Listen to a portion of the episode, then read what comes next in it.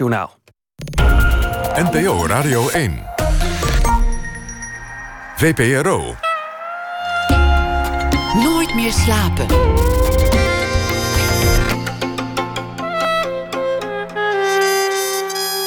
Met Pieter van der Wielen.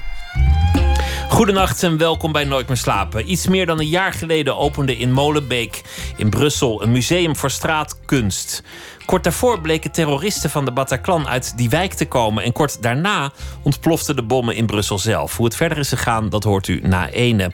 Dan komt ook operazanger Anthony Heidwijder op bezoek. Hij is zanger en organisator van het Opera Forward Festival. Erik-Jan Harmens die vertelt over de afgelopen dag. Dat doet hij met een verhaal. Maar we beginnen komend uur met Hans Goedkoop. Presentator van het programma Andere Tijden.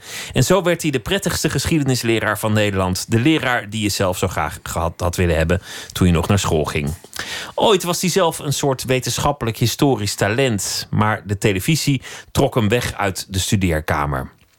Dat hij daarvoor ooit koos voor de studie geschiedenis, had misschien ook wat te maken met het verhaal van zijn opa. Een verleden dat pijnlijk was en liefst thuis werd verzwegen. Daar komen we misschien nog wel over te spreken. Je hoeft Hans Goedkoop dus niet uit te leggen dat geschiedenis niet alleen maar leuk of interessant is.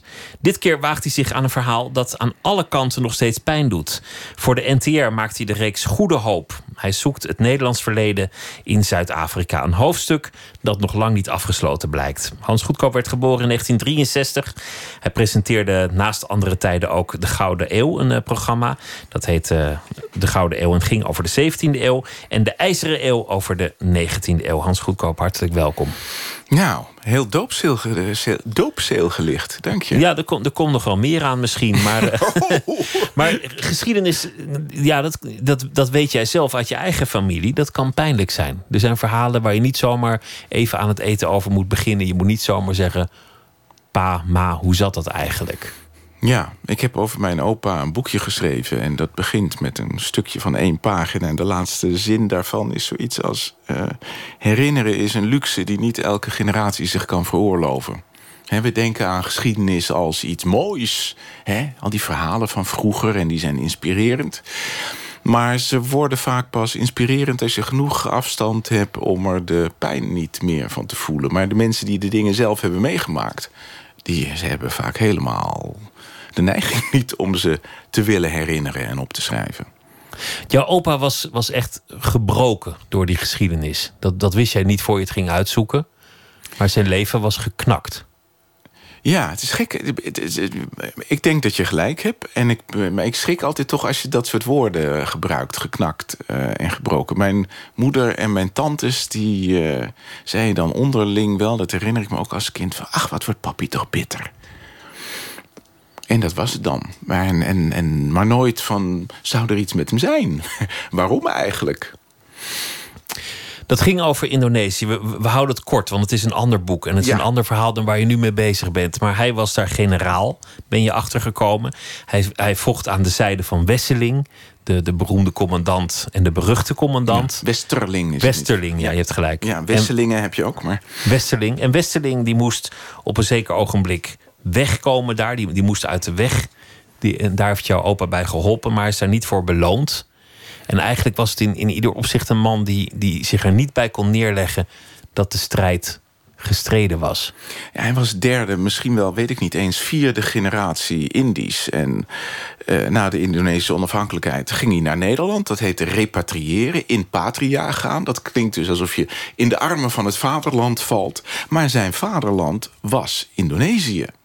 Die man is gewoon uh, gedeporteerd. Hè, om eens een heel hard ander woord er tegenover uh, te zetten. En heeft zichzelf op allerlei manieren opgeofferd in Nederlandse krijgsdienst. En is daar niet voor beloond. En zijn carrière was voorbij. Dus hij is generaal-majoor geweest, chef-staf van de Nederlandse troepen in Indonesië in de laatste periode, uh, 48, 49. Ehm, ja, die had uh, eh, 100.000 militairen onder zich. Enorme carrière gemaakt. Kwam in 1950 terug in Nederland, kreeg geen baan. En is uiteindelijk, zoals dat bij ons in de familie heette... adviseur bij de brandweer geworden. En toen ik er zelf naar ging vragen... zei ja, mijn moeder was daar heel omzichtig over. En uiteindelijk zei ze... ja, hebben wij toch altijd gek gevonden? Moet toch iets gebeurd zijn? Ze hebben, hem, ze hebben hem op de een of andere manier aan de zijlijn gemanoeuvreerd. Maar nou ja, ach, weten we ook allemaal niet. Zo, weg, klaar. Toen jij daarin ging verdiepen, werd het toen ook gevoelig ten opzichte van je moeder bijvoorbeeld? Merkte je dat je moeder ineens fel werd als je met haar sprak over wat jij vond in de archieven? En het verhaal dat je tegenkwam? Nou, ik ben begonnen mijn moeder van alles te vragen. Dat was in haar laatste jaar. Ze was ziek en ze wist dat ze dood zou gaan. En het archiefwerk heb ik pas gedaan na haar dood. Maar ze was heel ontwijkend. Ze zei... Ze zijn bij alles, ach liever, dat weet ik toch niet. Daar ben ik allemaal niet bij geweest. En ik was een dochter, ik was een meisje. En ja, opa was een militair. En militairen praten niet en al helemaal niet tegen vrouwen. Laat staan eigen dochters. Ach liever, ik weet het allemaal niet. En dan, vaak weken later, kwam ze ergens op terug. En dan zei ze, ja, dat is gek. Je zat daar laatst weer over te zeuren. En toen had ik het er met Ankie over, haar oudste zus. En, en toen hadden we het er toch ineens... En was dan toch gek. En dan kwam er ineens weer iets. En vaak kwam er dan iets waarvan ze eerst had gezegd... dat weet ik allemaal niet meer. En ineens wist ze het wel weer. En dat was zo'n zo'n soort hinkstapsprong van weet ik niet... en dan toch weer wel weet. En zo steeds verder het verhaal in. En toen had ik het graag willen uitzoeken... in de gedachte dat zij daar blij mee zou zijn. Ze was dood en drie weken na haar dood dacht ik... nou, dan ga ik het alsnog uitzoeken als een soort manier om uh, bij haar te zijn. Om, om haar, ik weet het niet, uh, om iets te doen wat ik voor haar wilde doen. Ook al was ze er niet meer. En toen vertelde ik dat dus aan mijn tantes. En die bleken helemaal niet blij. Ik, ik, ik ging naar ze toe nou, vind je dat nou niet leuk dat ik daar nou eens tijd in steek? Eigenlijk ook een beetje ijdel, denk ik achteraf. Een beetje van, kijk, mij eens iets moois doen voor de familie. En ze vonden het helemaal niet mooi. Ze waren, uh, achteraf denk ik, ze waren bang voor wat ik zou vinden. Bang misschien wel dat opa dingen gedaan zou hebben... die niet door de beugel konden. Bang sowieso dat ik dingen zou bovenhalen... Uh, die ze zelf lastig zouden vinden.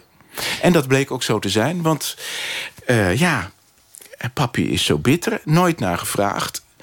En uh, uiteindelijk vond ik, uh, vertelde een van die tantes aan mij dat opa zelf een keer gezegd heeft: Ach, het interesseert jullie allemaal niets wat ik vroeger heb gedaan.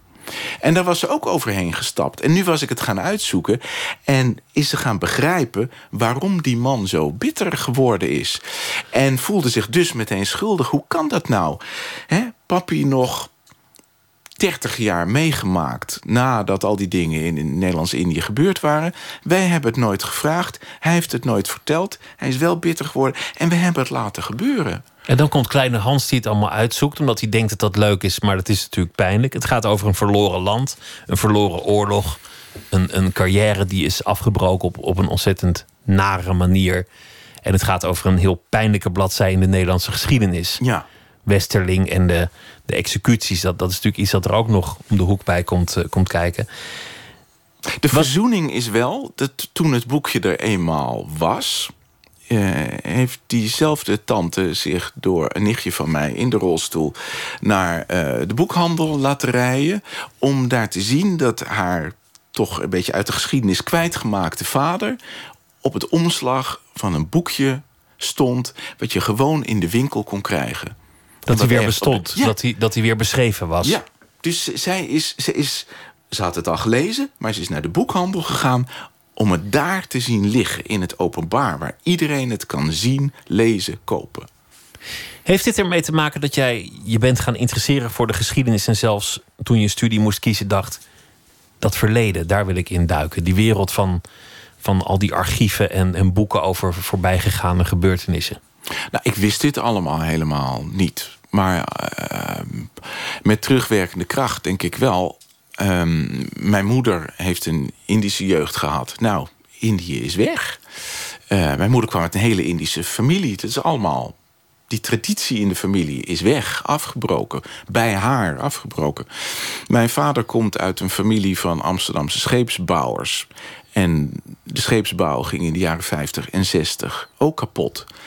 Mijn vader is opgevoed om directeur van een bedrijf in de scheepsbouw te worden. Is nooit gebeurd. Ook mijn vader staat aan het eind van een familietraditie. En ik ben opgegroeid in een huis waar de relatiegeschenken eh, uit mijn opa's bedrijven in huis lagen. Asbakken, aanstekers, allemaal frutsels met het logo van de fabriek. En met allemaal spulletjes uit Nederlands-Indië. En de, Weet je, dit is allemaal erg misschien meer constructie nog dan reconstructie. Maar ik weet nog wel dat ik als kind. Uh, dat het voor mij altijd iets toverachtigs had. Dat die spullen allemaal in huis waren. En die gingen over een verleden wat heel groot was en belangrijk. En ook heel erg weg. En dan toch via die spullen weer een beetje aanwezig. Heel dubbelzinnig. Het verleden was er. Je stond in een traditie waar die was afgebroken, waar niet over werd gesproken.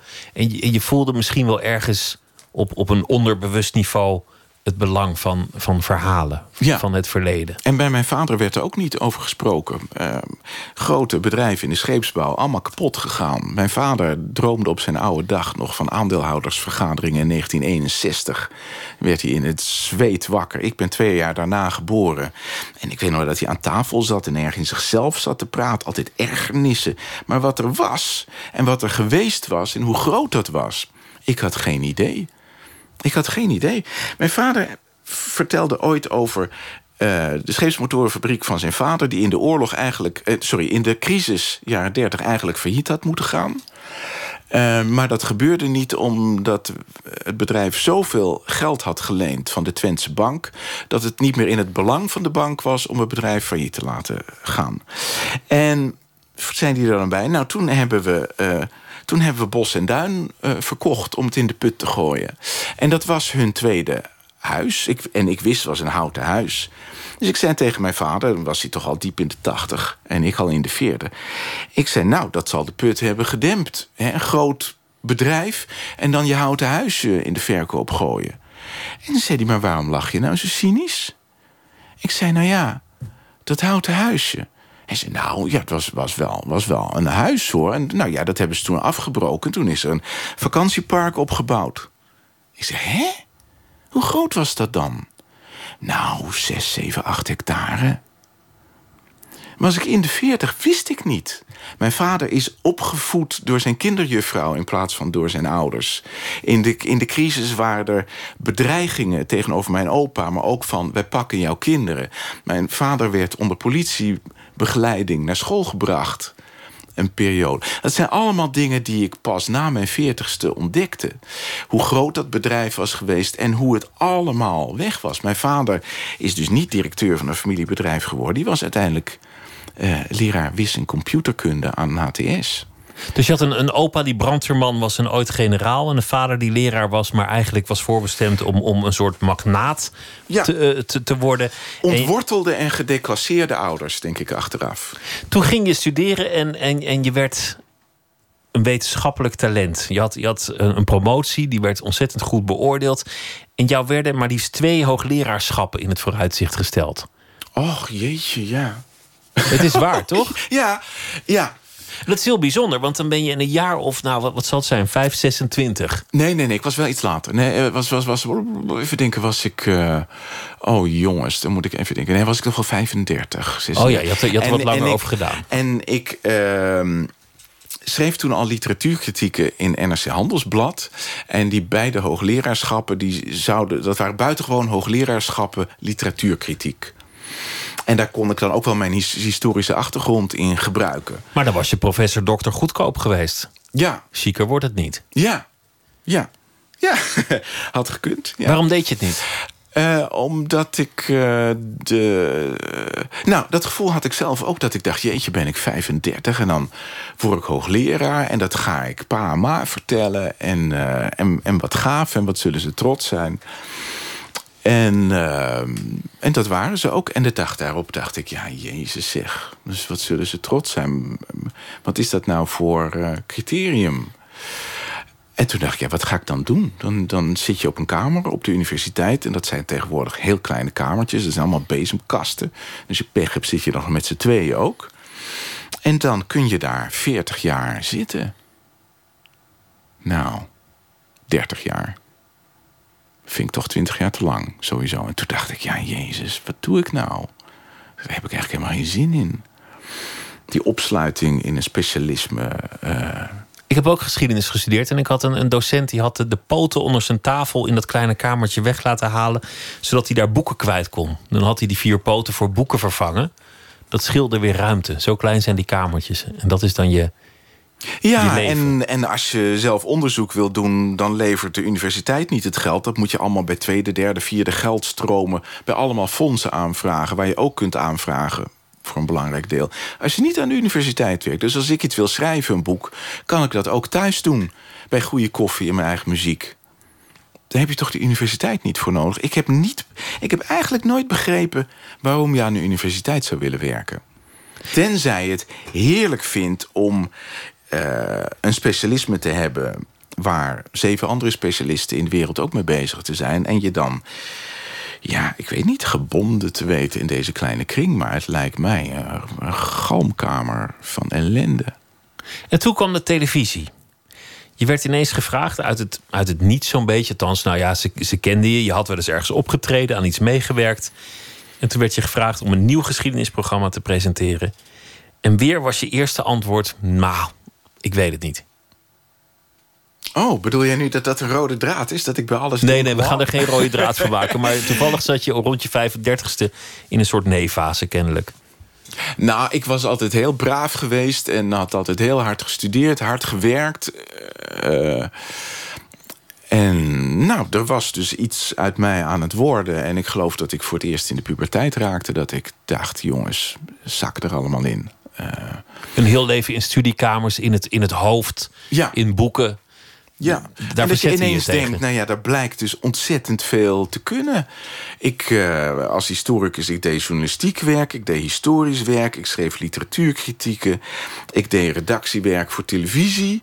En dan bleek ik ook nog gevraagd te kunnen worden om een televisieprogramma te presenteren. Nou, als dat allemaal in een paar jaar tijd kan, wat kan er dan allemaal nog niet in de rest van je leven? Dus ik dacht ineens, ja, ik, ik, uh, ik wil iets proberen. Dat klinkt als een leuke periode in je leven. ja. ja, dat was het ook. Dat was het ook. Maar ik zat op dat moment een boek te schrijven. Dat wilde ik heel graag doen. En uh, toen vroegen ze of ik een televisieprogramma wilde presenteren. En dat was nooit mijn ambitie geweest. Dus ik zei, nou ja, ik vind het wel heel vlijend dat u het vraagt. Dat was Ad van Liemt eindredacteur van Wat Andere Tijden is geworden.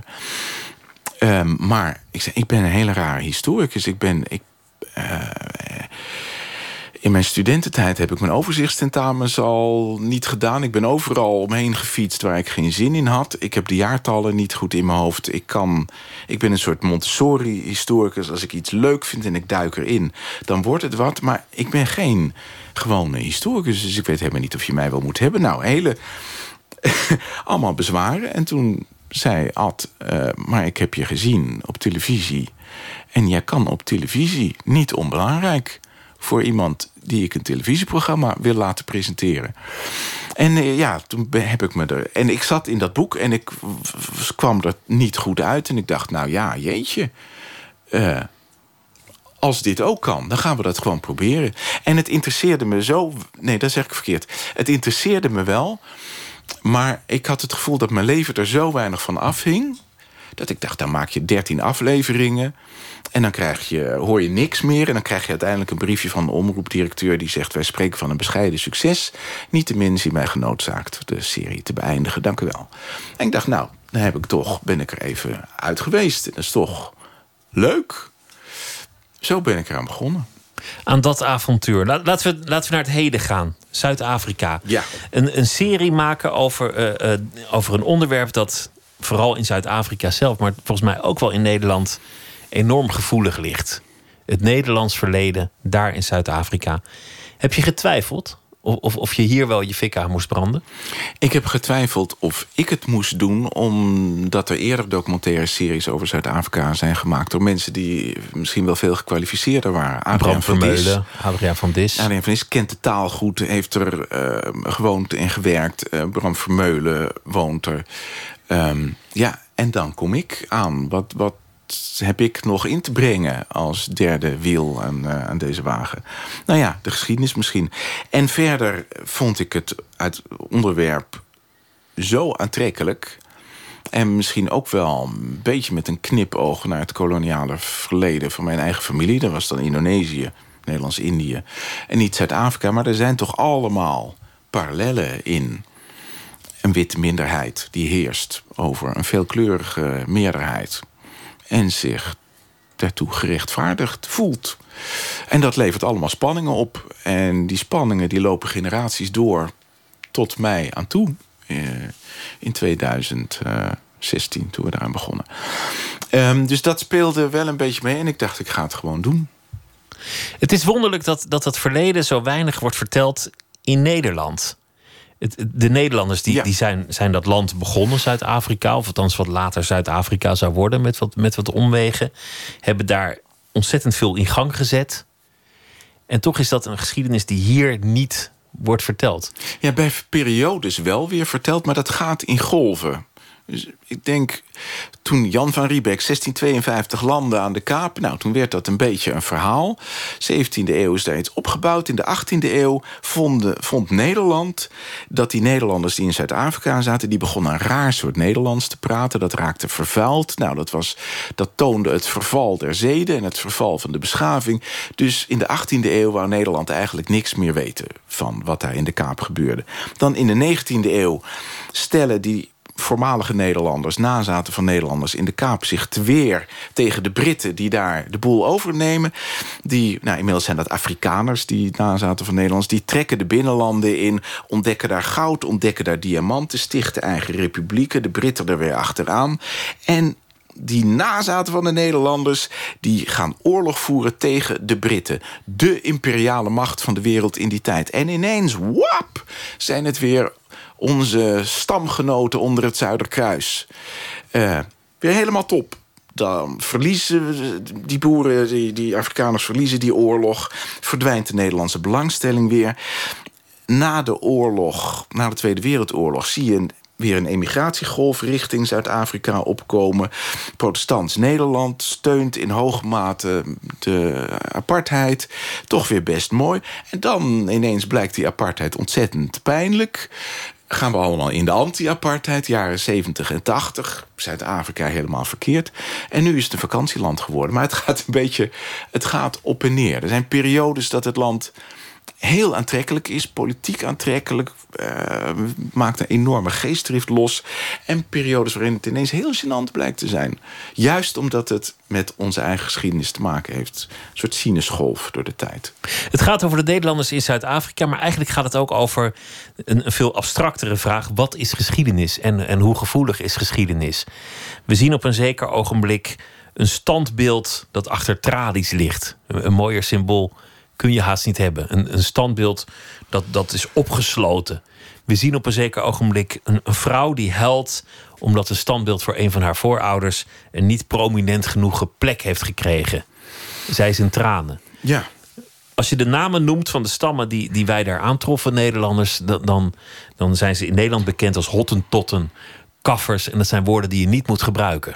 Dat ligt meteen gevoelig als je dat zo ja, zegt. Daar kun je ze eigenlijk niet meer gebruiken. Behalve bij de enkeling die ze dan weer als geuzennaam gebruikt. Dat is ook zo gek. Dat kan ook weer. Zoals je, zoals, ja. zoals je ook nigger kunt zeggen als geuzennaam. Ja, bijna troetelnaam. Ja, en dus, dus je, je kunt alles fout zeggen en je kunt het bijna niet goed zeggen. En soms mik je toevallig raak. Maar alles is gevoelig. Elk woord is, heeft een historisch, ideologisch beladen achtergrond. Je staat daar met, met een vrouw, een, een van de, de nazaten van de overwonnen stammen uh, door de Nederlanders. En, en zij, zij is enorm geëmotioneerd en staat te huilen om dat verleden. Een verleden dat inmiddels 350 jaar geleden is. Ja. Ik zie bij jou het ongemak. Jij, jij denkt, wat, wat, moet ik, wat moet ik doen? Moet ik, moet ik haar ja, moet ik haar troosten of moet ik iets vergoeilijkends zeggen? Jij komt er eigenlijk niet uit nee, op dat moment. ik kwam daar helemaal niet uit. Nee, en dat hebben we dan ook maar uh, laten zien. Het, het is ook heel ingewikkeld. Nou, wij, wij, wij, lopen naar een bankje dat als standbeeld of als monument is opgericht voor een vrouw die geldt, een soort oermoeder van de Khoisan Hottentotten, kaffers, dat is de huidige term, Khoisan. En ik denk, nou, is toch mooi dat er zoiets is opgericht. Met die vrouw loop ik daarheen en daar staat een bordje op en dat lees ik. En de teksten die daarop staan, die zijn helemaal in de geest van de vrouw met wie ik daarheen loop. Dus ik denk, dat is toch mooi. En ik kijk eraan. Je zegt, En- het is alsof ik jou hoor praten. ja, het is, oh ja, precies, dat zeg ik. En ik kijk haar aan. En ze blijft stil en ze begint te huilen. En ik denk, wat krijgen we nou? En vervolgens wordt ze nog kwaad ook. En dan zegt ze, ja, Jan van Riebeek, die Nederlandse held van jullie... die krijgt een standbeeld van zoveel meter hoog. En deze voormoeder van mij, die krijgt een houten bankje... waar iedereen met zijn reet op gaat zitten. En toen wist ik niet meer wat ik moest. Het was niet bij mij opgekomen. Dus dan denk je, wat is dit? Is dit mijn ongevoeligheid? Of wat is dit? Dit betekent in elk geval dat ik de verhoudingen hier niet snap. Eh, Dat ik haar gevoeligheid verkeerd heb ingeschat. Waarschijnlijk dacht jij als historicus, nou, 350 jaar. Daar, daar hoeven we geen fluwelen handschoenen meer aan te doen. Nou, dat is sowieso een schok, hè? Dat iemand in tranen raakt over iets wat eh, ja, in de jaren 1660 is gebeurd. Ja, dat is 350 jaar. Ehm, eh, 1660 is nu voor die vrouw op dat moment. En dat is op zich al schokkend. Dat ben je niet. Eh, ik heb een serie over de Gouden Eeuw in Nederland gemaakt. Ik ben daar gek genoeg zelf op een zeker moment in tranen geraakt. Maar niemand anders is in tranen geraakt. Je raakt in Nederland niet in tranen over de 17e eeuw. Niemand is zo betrokken bij die geschiedenis dat dat de moeite waard zou zijn. Dus dat, dat je met iemand praat die die zo ontdaan is over iets wat 350 jaar geleden gebeurt, dat op zich is al een schok. Je denkt, maar wat, wat, wat, wat, wat. Ja, wat zijn de gevoeligheden hier? Je zit op een zeker ogenblik in een heel andere fase van de geschiedenis. eh, aan tafel bij, bij een, een blanke familie. Die, die, van wie het leven toch een stuk minder vrolijk is geworden sinds de apartheid is afgeschaft. En jij zit daar aan tafel en jij breekt de stilte. Eerst gaat iedereen eh, eten en ze hebben het over het eten. Nou, want de biefstuk is goed gelukt. En al die groenten, nou, dat heb je goed gedaan, Toos. En dan begin je over dat verleden. En het is meteen een ontzettend ongemakkelijk kerstdiner. Bij, bij een familie waar je mee gebroken zou hebben. Zo'n soort sfeer.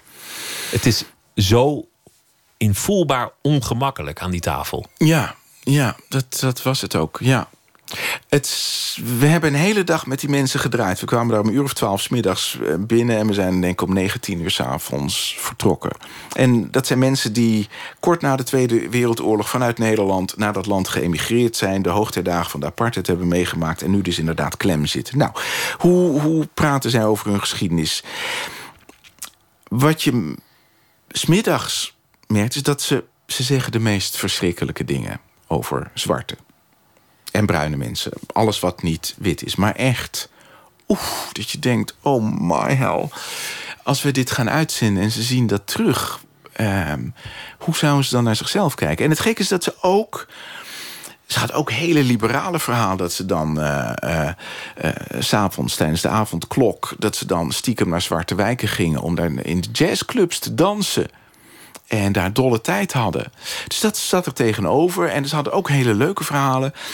Maar ja, het was wel heel ongemakkelijk. En bovendien, de, regisseur met wie ik was, is zwart. En die is op een gegeven moment even weggelopen, omdat hij het niet meer trok. Nou, iedereen voelt dat natuurlijk van elkaar. En s'avonds aan tafel dacht ik, dit gaat niet goed. Eh, wat gebeurt hier nou eigenlijk? Dus toen heb ik eh, ge- gezegd, letterlijk... jullie moeten weten, als wij gaan monteren wat we vanmiddag hebben gedraaid... dan kan dat op twee manieren. We kunnen jullie hele hippe jazzliefhebbers maken... en we kunnen jullie de meest stuitende racisten maken. En ik denk dat het allebei niet klopt, maar ik snap het niet. Hoe zit het nou? Waar zijn jullie nou echt mee bezig? En toen zei er een, angst. Angst, we zijn gewoon bang. Wij zijn gevangenen geworden in ons eigen land. En toen begon er voor het eerst een echt gesprek omdat het niet meer de afweer was van, van die, die zwarte zijn eng... en met die durf je niet in de lift en dat kan niet meer. Ineens ging het over waar het werkelijk over ging, hun eigen angst. En de verhalen logen er ook niet om. De, eh, iedereen had wel iets meegemaakt met geweld. Ja. En, de, en het, is een heel, het is een gewelddadig land. Jij komt in een schoolklas en een van de kinderen die wil iets weten over Amsterdam. Nou, niet over stulpen of, of klompen of molens, maar die vraagt: hoeveel wordt er eigenlijk geschoten in Ja. Nederland? Ja. Ja, ook zo'n moment dat ik dacht, wat gebeurt hier nou? Want ik verstond hem wel, die jongen, maar ik denk, dat kan ik niet goed verstaan. We zijn daar om een geschiedenisles over Jan van Riebeek te, te filmen. Hoe kijken die Khoisan-kinderen nu? Wat leren ze nu van hun geschiedenis? Die leren nog steeds het apartheidsverhaal, eh, het koloniale verhaal van Jan van Riebeek. Nou, dat hadden we gefilmd. Toen probeer nog een beetje gesprek te krijgen. Het eerste wat ze vragen: Do you have shootings? Ik denk, kan niet waar zijn. Ehm, maar dat is inderdaad de vraag. Die Khoisan, die zijn door Jan van Riebeek en nou, de generatie na hem... die zijn letterlijk uit grond, nou, bijna letterlijk uit grond getrokken. Die zijn hun gronden kwijtgeraakt. Die zijn uiteindelijk hun talen kwijtgeraakt, hun geloven kwijtgeraakt. En die zijn eh, ja, via de wet van de remmende voorsprong... de oudste bevolkingsgroep van dat land. En ook de meest gemarginaliseerde. Het zijn zeg maar de Indianen, de Aboriginals. En die wonen in wijken... Mensen zijn heel gemengd, maar ze identificeren zich in die wijken als Khoisan. Ja, wat is dat voor wijk? Iedereen is werkloos. Jongeren zijn aan de drugs eh, en eh, crack. het, allemaal de ergste rotzooi. En de wijk wordt geregeerd door gangs. En wie zit er in die gangs? Nou, dat ben ik maar gaan vragen. Eh, zit er ook familie van jullie in die gangs? Nou, gelach, ja, natuurlijk. Ook zusjes? Ja, ook natuurlijk. En schieten die dan ook? Ja, natuurlijk. Met een revolver? Nee, gewoon een riot gun. Die, die heel onschuldige kinderen die daarvoor nog een toneelstukje doen over dat, dat Nederlandse verleden. Die zitten dan ineens op te scheppen over broertjes, zusjes, ooms, tantes die allemaal een geweer hebben. En, en de ander schept op, nou, de mijne heeft een bazooka. Ja, En het is nog waar ook. Ja, en die, die, die, die kinderen die, die spelen op hun, hun vierde op straat eh, drugs kopen. Een soort vadertje moedertje spelen. En de week voordat wij daar kwamen was er een schietpartij geweest. Aan weerszijden van de school zat er een gang. En die begonnen te schieten tijdens het lunchuur. Duizend kinderen op het schoolplein eten en allemaal plat op de grond. Eh, toen wij daar waren lag een docent nog eh, in het ziekenhuis. Ik wil een fragment laten horen uit de jaren 60. De, de tijd van Hendrik Verwoerd. De, de man die toch wordt gezien als de, de, de stichter van de moderne apartheid in, in de 20e eeuw. En dit zijn eh, blanken die in die tijd wordt gevraagd wat ze vinden van de, de nieuwe apartheidswetten. Nou, ik moet eerlijk zeggen, ik vind het wel prettig als ze niet in dezelfde bus zitten als ik. Want, Waarom? nou, de meeste zijn niet zo erg geurig. eh, die stinken nogal. En hun manier van optreden is niet zo eh, als dat wij eigenlijk in Europa gewend zijn. We hoop, eh, ja, hoe moet ik dat zeggen? Eh, wij zijn eigenlijk wat meer geciviliseerd dan de negers tot nu toe zijn. Ja, wij zijn meer geciviliseerd. En een, een ander zegt in het fragment: eh, ze zijn lui. Ja, ik mag het wel zeggen. Ze zijn lui. Of, of die zegt: Nou ja, het is eigenlijk voor iedereen beter, want dan komen we elkaar niet tegen. Dan zijn we ook geen concurrenten voor elkaar. Ja. Ja. Nou, Je, je spreekt ook de zoon van, van, van Verwoerd. En dat is een man die, die enorm worstelt met dat verleden. Z- zijn vader heeft natuurlijk ver geschopt. Hij wil zijn vader rechtvaardigen, maar, maar soms komt hij er ook niet uit. Nou, ik vind dat hij zijn vader toch heel erg verdedigt. Wel, ja. Ik, dat was een heel moeilijk gesprek, vond ik dat. Ehm, ja, hij, hij zei bijvoorbeeld... Ja, mijn vader die zag al... als je de zwarte een beetje invloed en een beetje macht geeft... dan nemen ze het allemaal. En dat zie je nu toch? Ze pakken toch alles van ons af? En deze zoon van Verwoerd zelf woont in een heerlijk soort Frank Lloyd Wright-achtig villaatje met gemaaid gras eh, in Stellenbosch. Eh, en zijn buren zijn ook wit en hebben ook zo'n villaatje dat je denkt, ja, wat is jou dan afgenomen? Het is allemaal angst en er is wel dreiging, maar er is ook ongelooflijk veel white privilege. En ja, dat, dat, dat, daar kun je met veel blanken in dat land. Nou, veel, sommige blanken in dat land kun je daar niet over praten. Zeker ouderen. Die hebben natuurlijk ook heel veel moeten inleveren na het einde van de apartheid in 1994. Ik begreep die mensen eigenlijk wel. Niet in de zin dat, dat, dat, dat, dat, ik, dat ik vind dat je apartheid goed moet praten. Of, dat je dat soort principes van gelijkheid moet laten varen. Maar de positie waarin ze zitten. is een lelijke positie om in te zitten. Ja, nou, dan, dan hoop ik dat we dat goed hebben uitgelegd. Want dat is inderdaad de, de bedoeling, dat je dat gaat zien. Die zijn natuurlijk uh, enorm achteruitgekacheld. Ze zijn politiek gezien de macht kwijt. Blanken krijgen bij de overheid uh, niet of nauwelijks banen meer. Er is positieve discriminatiebeleid.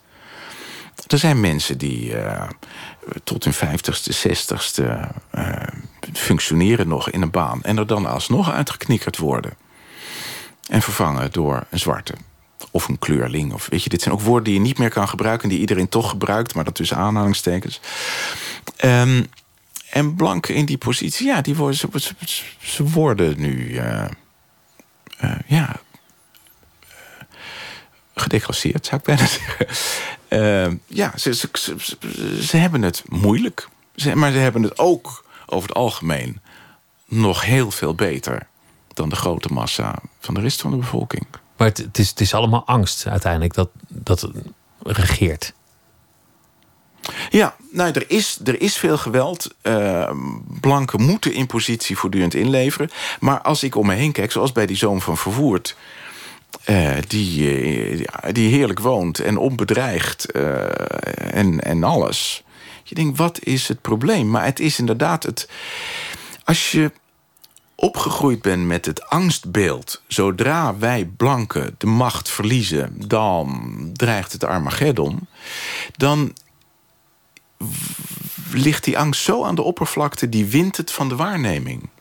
Begreep jij het met, met het oog op je verleden uh, van je eigen familie? Dat je, je, je had het over het koloniale verleden, dat het ook wel iets was dat die Zuid-Afrikaanse geschiedenis voor jou interessant maakte. Jouw, jouw opa was generaal, stond aan de verkeerde kant van de geschiedenis, om maar een heel zwaar woord er meteen in te gooien. Ja, zo wordt dat nu gezien. Ja. Begreep jij dan ook de, de, de, de zoon die zijn vader wil rechtvaardigen en, en geen afstand daarvan kan doen? Die dat verleden maar kneedt en kneedt om daar toch mee in het reinen te komen. Ja, het is natuurlijk inderdaad, oh, dat is belangrijk. Het is een zoon van een vader. En die vader is na drie moordaanslagen uiteindelijk inderdaad vermoord. Dat moet je wel even mee rekenen. Dat, dat zal je gebeuren als kind. Dat je vader een paar aanslagen overleeft en uiteindelijk uh, bij de laatste aanslag toch. Eén keer met een pistool, één keer met een mes en, uh, ja, en nog een keer met een mes. En nog een andere aanval. Um, en Nee, ik heb een boekje geschreven over mijn opa... waarin ik het enorm voor hem opneem... nu ik heb uitgevonden wat hij dan eigenlijk gedaan heeft in Indië. En dan kun je... Ik denk, je kunt... Je kunt een onderscheid maken. Je kunt zeggen... Mensen hebben aan de verkeerde kant gestaan... of hebben in de verkeerde oorlog gevochten. En tegelijkertijd is mij bij mijn opa opgevallen... kan ik mijn opa verdedigen... Uh, in de zin dat ik zijn persoonlijke moraal kan verdedigen. Dat hij ontzettend veel heeft op, hij heeft zichzelf geofferd uh, voor het nut van het algemeen. En dat is, vind ik van een hoge moraal getuigen. Dat je een belang ziet, een hoger belang ziet dan je eigen geluk. En dat je je eigen geluk opoffert voor dat hogere belang. Maar dat, kun, je, dat kun je zeggen over de meeste generaals... en zelfs met een beetje fantasie over een oorlogsmisdadiger, als je wilt. Ja, nou in het geval van mijn opa... die had ook, heeft een aantal dingen gedaan die hij helemaal niet had hoeven doen. En waar die toch last, waar die uh, de staat der Nederlanden mee heeft geholpen... en waar die zelf later last mee heeft gekregen. Echt zelfopoffering in zekere mate. En ik denk dat zo'n zoon vervoerd naar zijn vader kijkt... en denkt, die man heeft hier uh, Zuid-Afrika proberen te redden. En die heeft dat met zijn leven moeten bekopen. En die kant, ja, daar heb ik wel Cassian mee... Uh, en dan, dat is ingewikkeld. Um, maar je kunt op een persoonlijk niveau uh, respect en zelfs bewondering voor iemand hebben, terwijl je met wat meer afstand ziet: oké, okay, het kader waarbinnen vader of opa opereerde. Ja, daar zou je eigenlijk niet in moeten willen opereren. Daarvan kun je de... terugkijken dat oh. was fout. Over de geschiedenis van Zuid-Afrika. Het was natuurlijk heel lang het, het dossier waar je, waar je vooral uitgesproken goed in kon zijn. Want apartheid was slecht en als je, dat was een soort spiegel die jou dan goed kon maken als je maar luidruchtig tegen was. Ja. In, in, heb ik het over, die, over de jaren tachtig van de vorige eeuw. Nu nog, als je je met die geschiedenis bezighoudt, zul je merken dat er, dat er meteen scheidslijnen ontstaan. Dat, er, dat, dat je langs een breuklijn loopt. Uh, ja, waar denk je aan? Nou ja, dat, dat, dat jij moet laveren als programmamaker om, om, ja, om, om met een zekere voorzichtigheid. Om niet in een kamp geduwd te worden. Ja, ja. En dat, uh, en dat word je soms toch. Dat zullen misschien ook luisteraars van dit gesprek weer doen. Dat je denkt, oh, verdedigt die jongen nou de apartheid? Of verdedigt hij zijn Indische opa? Die, het, ik probeer allemaal nuances uh, te zien. En ik vind sowieso altijd... hoe meer je de complexiteit van de dingen gaat zien... hoe interessanter het wordt. En hoe meer je gaat begrijpen hoe, hoe, hoe rijker de wereld wordt... en, en uh, ja, hoe waardevoller je ervaringen worden. Um, nou ben ik even kwijt waar ik heen wou. Nou, laten we het dan hebben over Nederland. Ben je anders naar Nederland gaan kijken met die geschiedenis in je achterhoofd? Die geschiedenissen zijn niet echt vergelijkbaar. Ze raken elkaar hier en daar, maar hetzelfde soort problemen speelt hier natuurlijk ja, wel. Nou ja, ja, ja, ja. Nou ja ik zeg wel eens uh, nu als een soort pitch voor deze serie. Uh, wij leven nu in een land dat een multiculturele samenleving aan het worden is. Wat we daar ook van vinden, maar dat is toch aan het gebeuren. En wij zijn daarover in paniek. Hoe moet dat? En wat wij niet meer weten is dat uh, onder Nederlands beheer 350 jaar geleden het experiment begon met misschien wel de meest multiculturele samenleving van de hele wereld aan de Kaap in Zuid-Afrika. Um, dus die vergelijking die kun je inderdaad uh, maken, denk ik. Die, die, die, die, die, die spanningen tussen kleuren, etnische achtergronden, religies... waar wij nu over in paniek zijn... ja, dat is, een, een, een, uh, dat, dat is de kern van de geschiedenis van Zuid-Afrika. Als we dat als voorland hebben, dan, dan, dan, dan, dan moeten we wel een beetje uh, van koers gaan veranderen, denk ik. Als het, als het zo zou uitdraaien dat je in Nederland een, een vorm van gescheiden samenleving zou krijgen. Van nou ja, oké, okay, uh, we hoeven elkaar niet tegen te komen, toch? Nou ja, dat, die, die, die tendens zie je toch? Je, eerst bij Fortuyn, toen bij Wilders, nu bij de andere kant. Uh, van de andere kant bij Denk, de eerste partij op etnische grondslag die wij nu in het parlement gestemd hebben.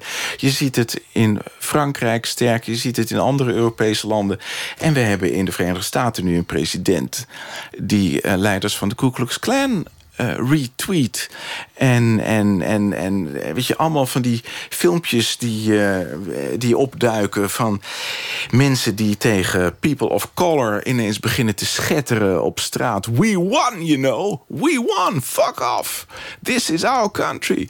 Dus je, je, de, de backlash van de dreiging van een wereld die een beetje multicultureel wordt, die zie je in de hele westerse wereld nu en die zie je bij ons ook.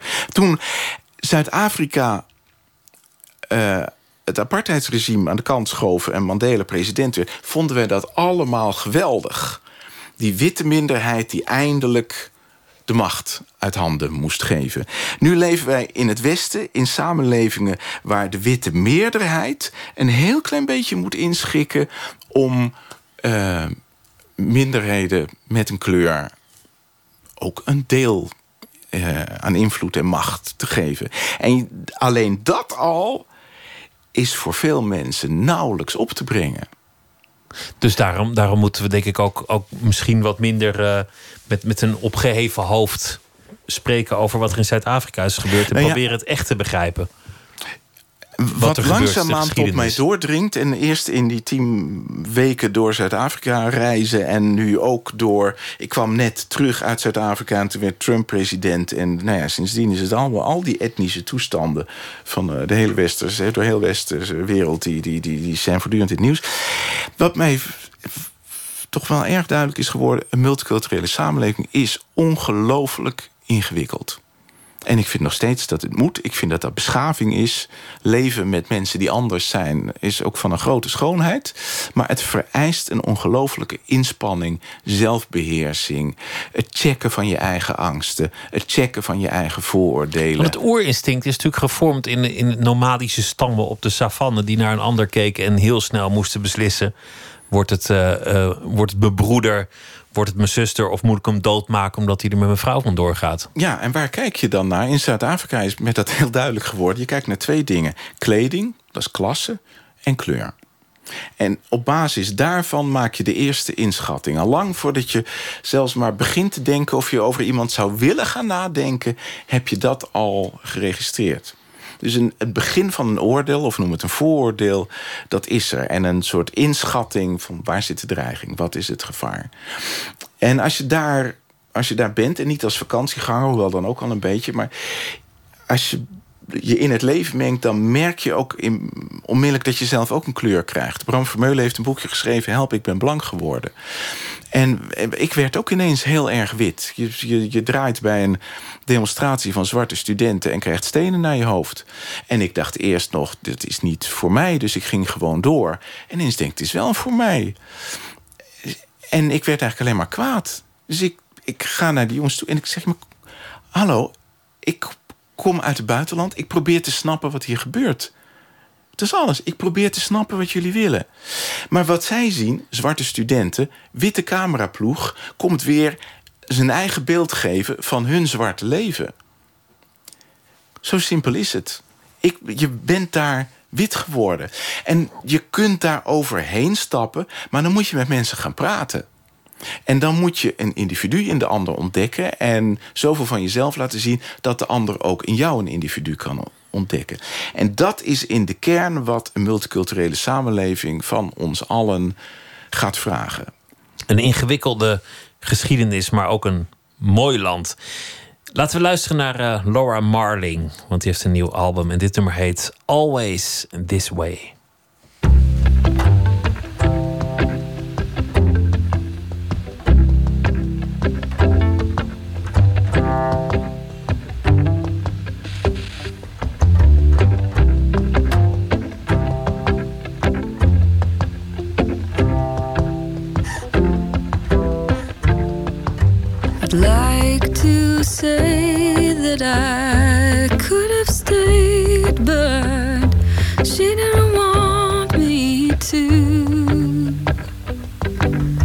Like to know if she had to go or if she made a point to.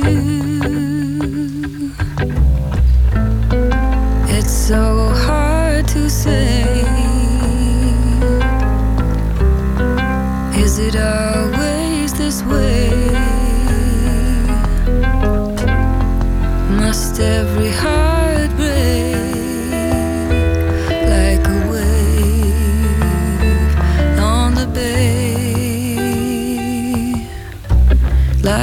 to think that we're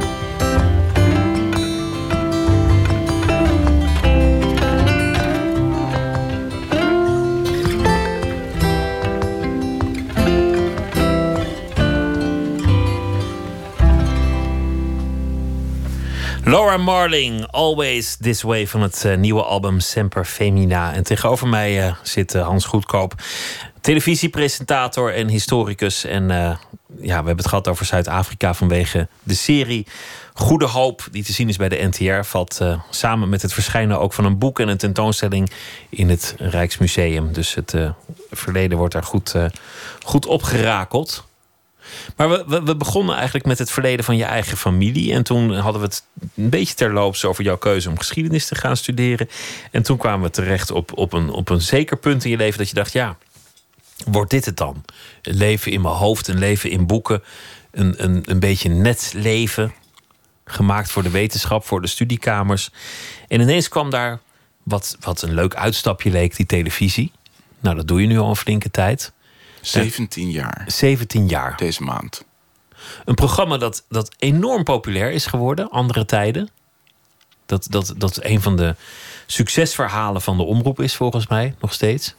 Een vaste waarde van de omroep. Een vaste dat. waarde. Nou, dat dat, is, dat, is, dat is mooi. Viel ook samen met, met, een, met een hernieuwde belangstelling voor de geschiedenis in Nederland, die, die natuurlijk heel mooi is. Dan was er nog een ander project waar, waar elke interviewer je altijd even mee zal pesten, namelijk Hmm. de grote biografie die er zou komen van Renate Rubenstein. En die, die er niet echt is gekomen. Wel, wel een boek, maar Nou, ja, nee, hij is er nog niet gekomen. Nee, ik heb vorig jaar wel een eh, kort boekje. Echt een heel leuk boekje, vind ik zelf. Over eh, Renate gepubliceerd.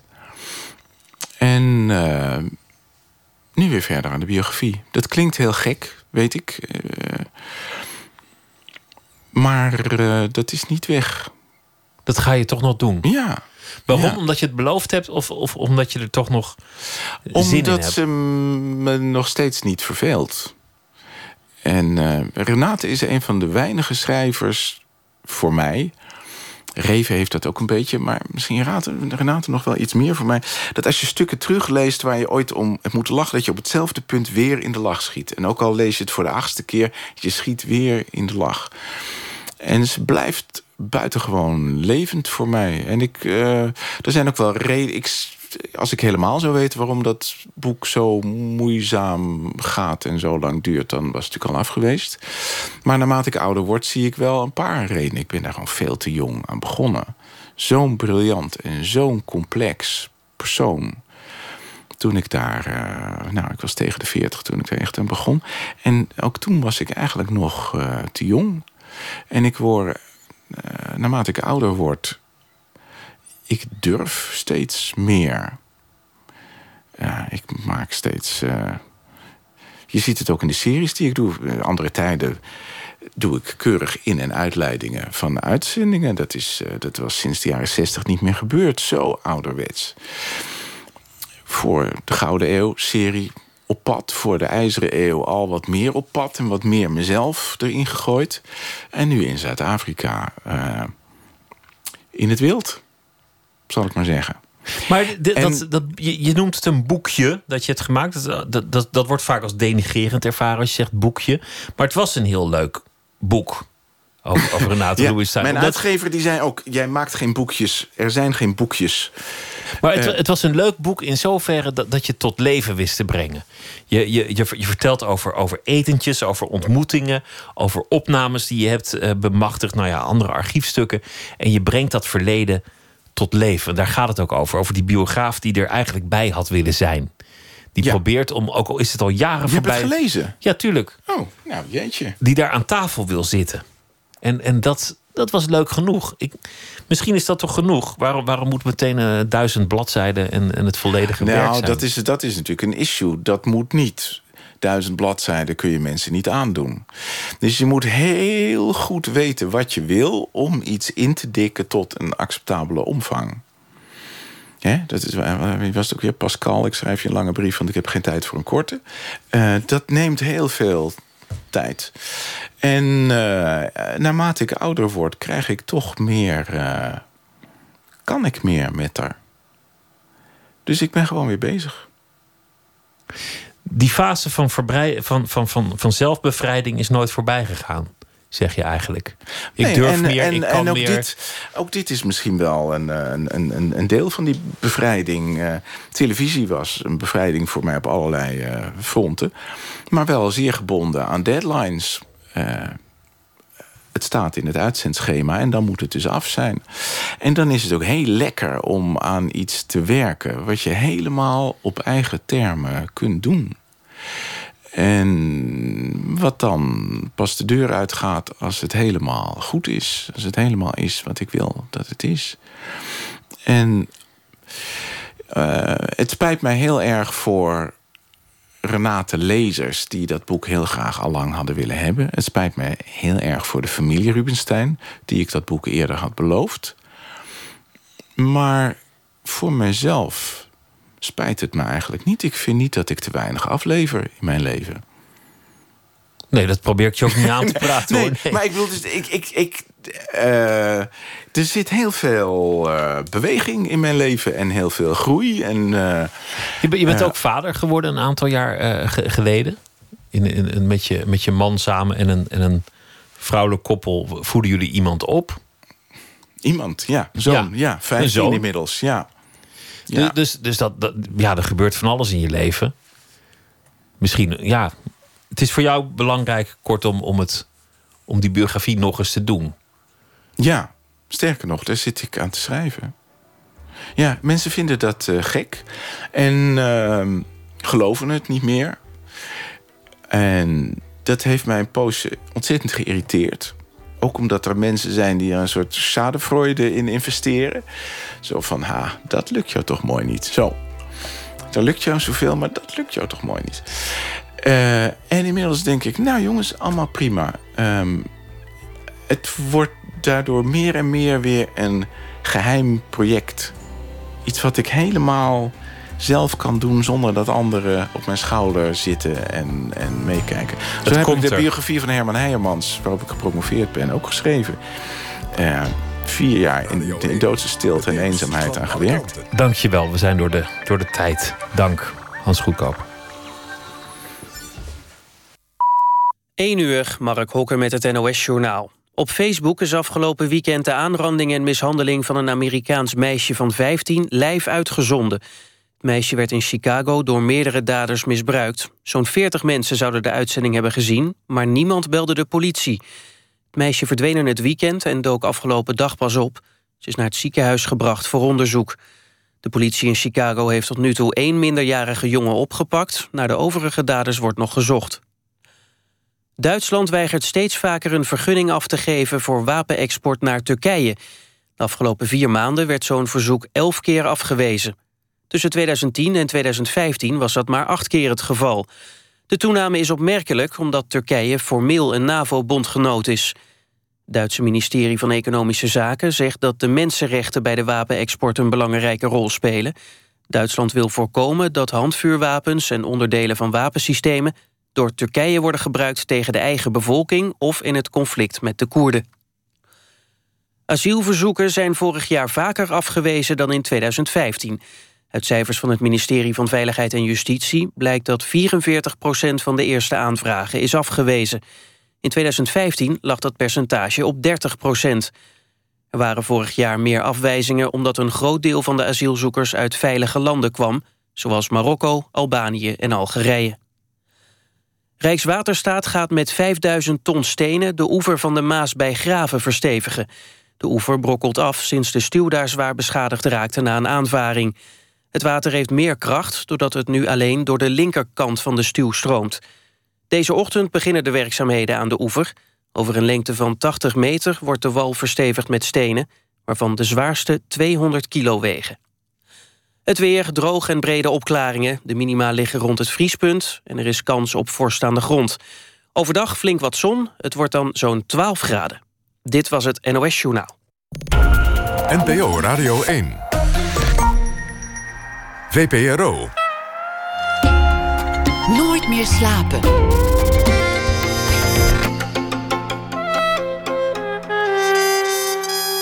Met Pieter van der Wielen. Het is een jaar geleden dat uh, Brussel werd opgeschrikt door drie bomaanslagen. De daders, aanhangers van Islamitische Staat, kwamen uit Molenbeek, een stadsdeel. Kort daarvoor opende daar in dat stadsdeel een nieuw museum. Het Mima Museum voor de Straatkunst. Zometeen gaan we daar naartoe. We worden rondgeleid door een illustrator uit Molenbeek zelf, Judith van Istendaal. Anthony Heidweiler komt op bezoek. Man met een missie, operazanger en artistiek leider van het Opera Forward Festival. En hij heeft eh, één doel in zijn leven: de opera toegankelijk maken voor iedereen. Erik Jan Harmens vat de voorbije dag samen in een verhaal. En dat zal hij zo meteen voordragen. Nu het culturele nieuws.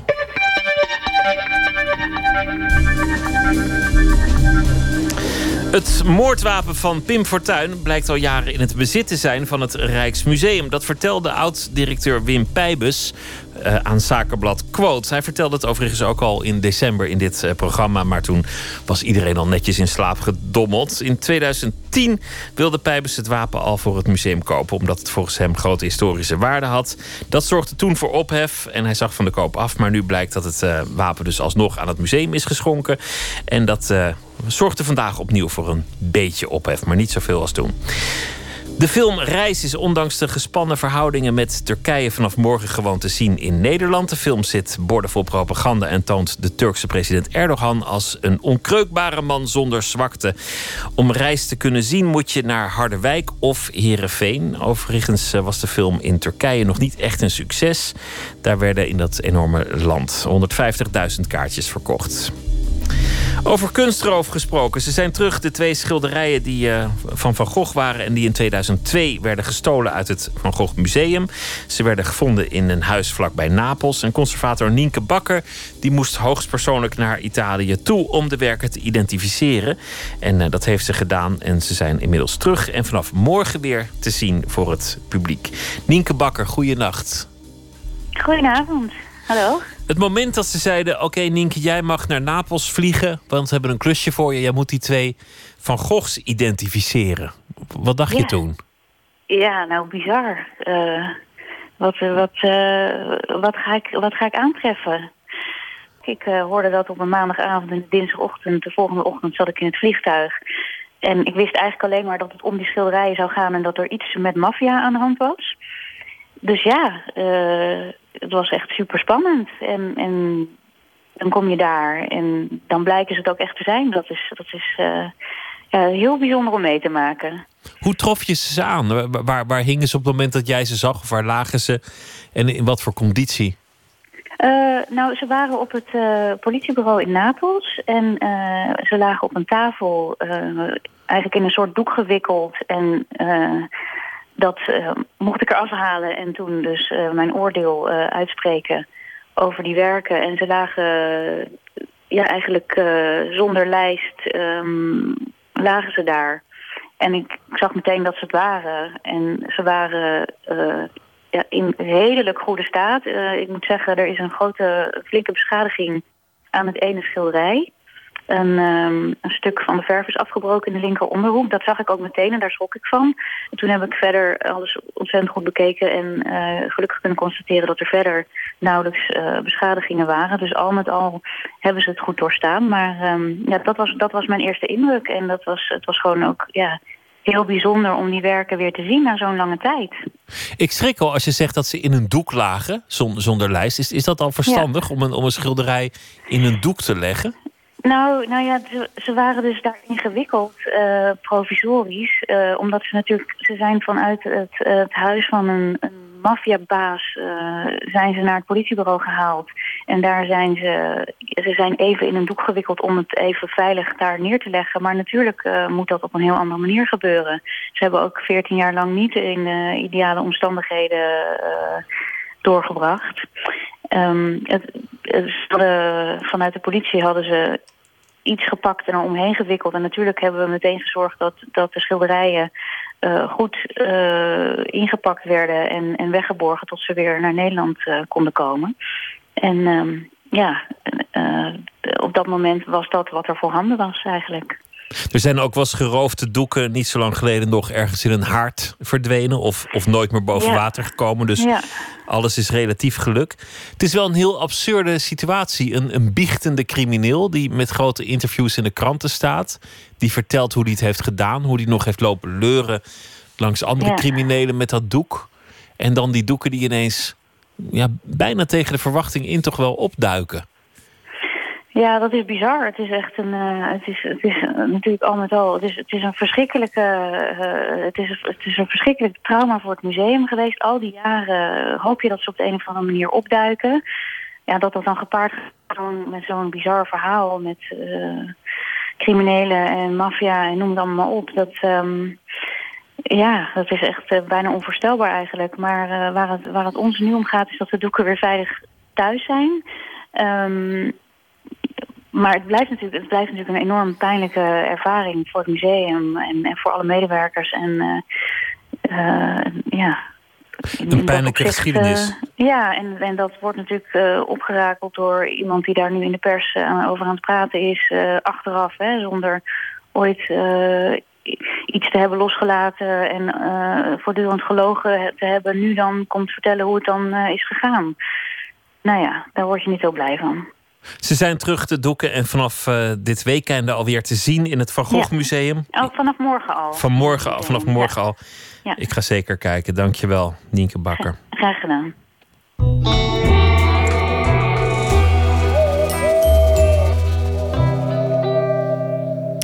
En hier is eh, zangeres Ella met Unknown Treasure.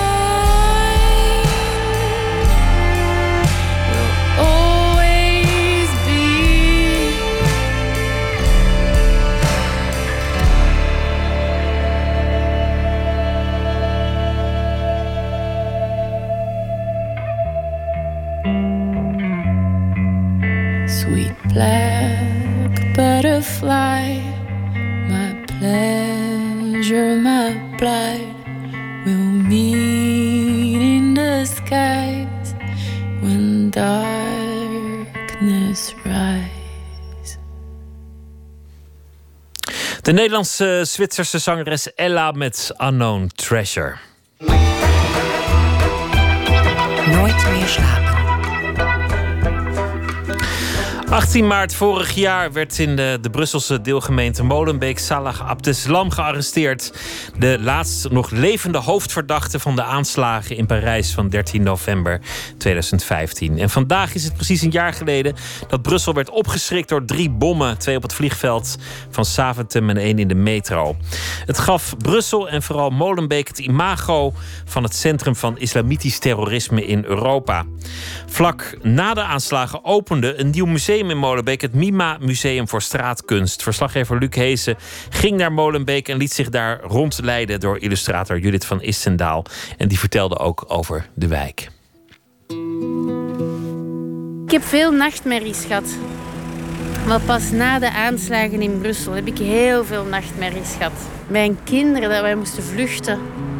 Dat er een soort burgeroorlog ontstond. En dat dus bijvoorbeeld eh, in mijn wijk er mensen ons begonnen aan te vallen en zo. Omdat we anders zijn. Omdat wij, ik ben natuurlijk in de minderheid hier. De witte, hoogopgeleide Nederlandstalige Belgen. Overdag was ik heel rustig. Ik had daar eigenlijk niet, eh, geen last van. Maar s'nachts had ik wel nachtmerries. Maar dat is dan gaan liggen, dat is overgegaan. Illustrator en striptekenaar Judith van Istendaal woont al 14 jaar in het Brusselse Molenbeek. Het was haar voordeur die voorpagina nieuws werd toen de klopjacht naar Salah Abdeslam bezig was. Als je mijn deur uitstapt en je kijkt rechtdoor... Dat is de plek waar dat ze de eerste keer Abdeslam bijna gepakt hadden. Waar dat ze dan van zeiden dat hij daarna in een kast ontsnapt is. er stond hier een soort ja, eh, voertuig van de paras. Hier op onze stoep. Met allemaal paras hier. En er was een foto van getrokken. En die was internationaal verspreid. En al mijn vrienden van overal die begonnen mij in paniek te bellen. Wat is dat? En dat, was eigenlijk wel heel vreselijk. Want mijn dochter die was dan naar, naar huis aan het komen. En die ben ik dan moeten gaan eh, moeten bellen en onderscheppen. Om niet, ze kon de straat niet in. Hè? En die dacht dat ze ons huis aan het bombarderen waren. Dus die was helemaal getraumatiseerd.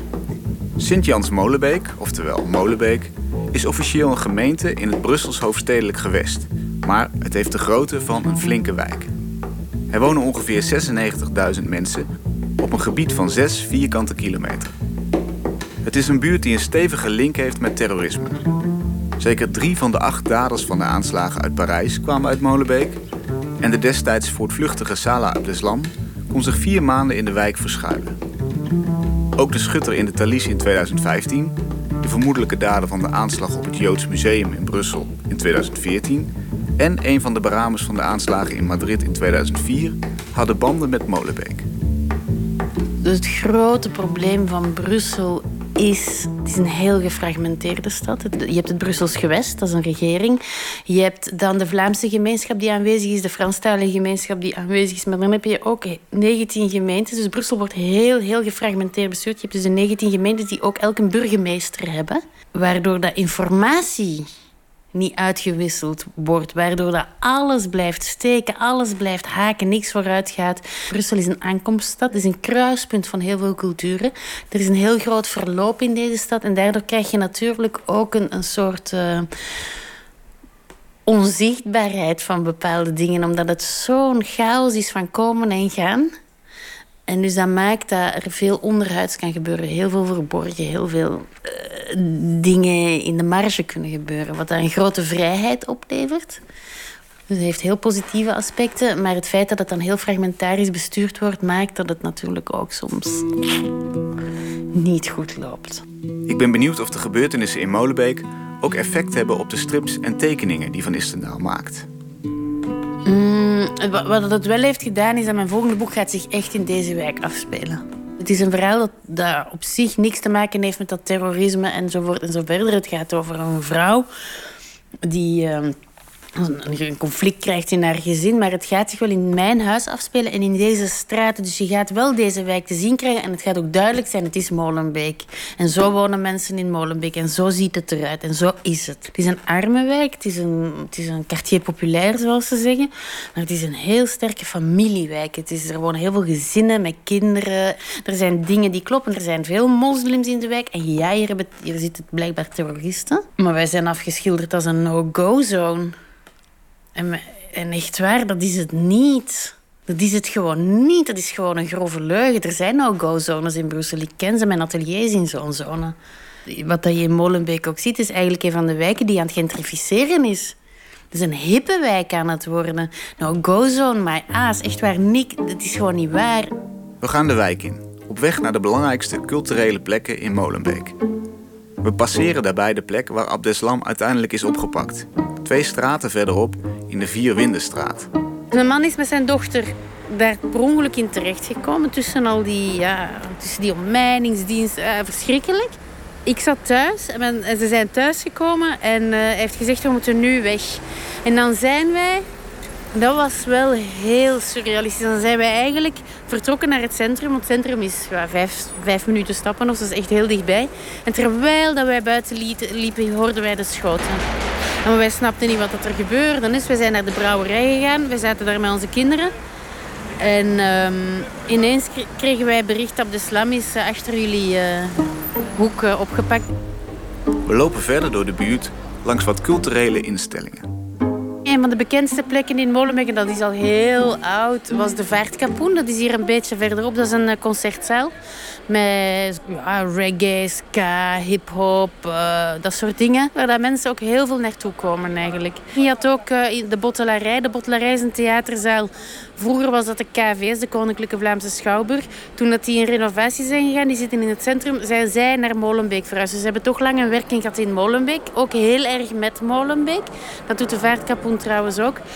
Uh, de bottelarij is nu terug weg. Daar is nu uh, een cultuurcentrum waar dat je ook zalen kunt huren, waar koren zingen enzovoort en. Dus er, er zijn wel een aantal dingen. En je, je merkt ook dat er meer en meer kunstenaars in de wijk komen wonen. Dus dat is wel omwille omdat het goedkoop is. Uh, je ziet wel dat de wijk heel erg aan het veranderen is. Dat was al bezig voor de aanslagen. En ik dacht met de aanslagen, dat wordt geknakt. Het gaat terug kapot, maar dat is niet. Dat gaat gewoon vrolijk verder. Een paar straten verderop is een nieuw plein aangelegd, waar volgens Van Istendaal binnenkort een belangrijke stap wordt gezet in de culturele opwaardering van Molenbeek. Sinds een tijdje is er een project om op dit plein een café te openen waar alcohol wordt geschonken, wat in Molenbeek toch niet zo evident is. Uh, en dat is, wordt opgericht met crowdfunding. Ik weet niet wanneer het open gaat, over een paar maanden, met een groot feest. En dat is ook een plek waar de optredens mogelijk zullen zijn, waar lezingen worden gegeven, waar eigenlijk ook culturele uitwisseling zal worden georganiseerd eh, tussen de verschillende gemeenschappen in de wijk. Onderweg komen we veel graffiti en professioneel ogende muurschilderingen tegen. Ik weet niet hoe dat, dat komt. Want dat was al voor het museum er was, maar het is wel versterkt met het museum. Want er is er nu een hele bekende bijgekomen. Ik weet niet of jullie daarover gehoord hebben, maar in Brussel is er een kunstenaar die uh, vroeger had je Bonhomme.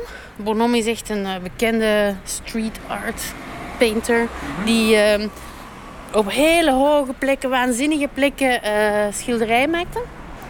En nu is er iemand, en ze weten niet wie dat het is, ze denken dat het Bonhomme is, maar het is, volg het niet genoeg om het zeker te kunnen weten, die hier ook een schildering heeft gemaakt je ziet eigenlijk een stuk van een schilderij van Caravaggio. En dat is eigenlijk uh, als Abraham zijn zoon Isaac net niet offert aan God als dat schilderij. En hij wordt tegengehouden door een hand. Dus je ziet een hoofd, twee handen die het hoofd gaan afsnijden en een andere hand die hem tegenhoudt. Dus het is wel redelijk gewelddadig. En dat staat gewoon op een muur aan het kanaal. Maar je ziet dus heel het kanaal. Hè. Dat is al heel lang. Dus je kunt eigenlijk via trapjes langs het kanaal naar beneden. Dan heb je een, soort wandelpad langs het water. En dat staat vol met graffiti. Vol, vol, vol, vol, vol. En altijd andere. Gewoon mensen die daar beginnen teksten te schrijven over uh, vrijheid en over, uh, over vrede en over ja, zo'n dingen. Hè. De klassieke, daarvoor dient uh, graffiti. Hè. En dan verderop, aan het kanaal dat het centrum van Brussel en Molenbeek scheidt, is de grootste culturele verandering van Molenbeek zichtbaar. Het nieuwe Mima Museum. In de voormalige brouwerij van Bellevue is een paar weken na de aanslagen het Millennium Iconoclast Museum of Art geopend. Een modern museum vol toegankelijke en sterk grafische kunst. Ik vind het ontzettend bij Molenbeek passen. Het is een museum van straatkunst, populaire kunst ook. Dus uh, niet de highbrow, uh, hedendaagse installatie en abstracte kunst. Het is echt stedelijke kunst ook, heel stedelijk. Dus ik vind dat het perfect bij Molenbeek past. Molenbeek heeft een hele jonge bevolking, is extreem stedelijk en heeft heel veel eh, graffiti en heel veel uh, muurschilderingen. Dus ik vind het ongelooflijk een goede locatie. Behalve dat het museum qua karakter goed past bij Molenbeek, maakt het volgens Van Istendaal ook de wijk toegankelijk voor een breder publiek. Het trekt totaal andere mensen naar de wijk. Dus je krijgt, en dat is wel grappig, het ligt echt op de rand van Molenbeek. En Molenbeek begint aan het kanaal en dan gaat het westwaarts uh, naar de rand van Brussel. Uh, maar het begint dus heel centraal aan het kanaal. En uh, je krijgt dus de toeristen die uit het centrum komen, die geraken makkelijk in het Mima, want het is heel mooi om ook naartoe te wandelen. En dan zie je dus ook in onze straat bijvoorbeeld, wat dat ook een hele gewone woonstraat is, een hele arme straat ook. Uh, zie je toeristen ronddwalen eigenlijk. Met een beetje een verdwaasde blik. maar je, je, ziet echt een andere input in de wijk. Het begint allemaal zo op te leven en er, er is zo'n nieuw soort aanwezigheid van uh, cultuur. En ik vind dat fantastisch. Want dat doet de wijk zo'n deugd. Luc Hees in gesprek met illustrator Judith van Istendaal vanuit Molenbeek in Brussel. Het eh, Mima Museum is open van woensdag tot en met zondag. Charles Bradley is een Amerikaanse soulzanger. Hij moest eh, vorig jaar zijn tournee afzeggen vanwege het uh, droeve nieuws dat hij maagkanker had. Inmiddels schijnt het een stuk beter met hem te gaan en het is zeker dat hij weer op tournee zal gaan. We gaan luisteren naar Nobody But You.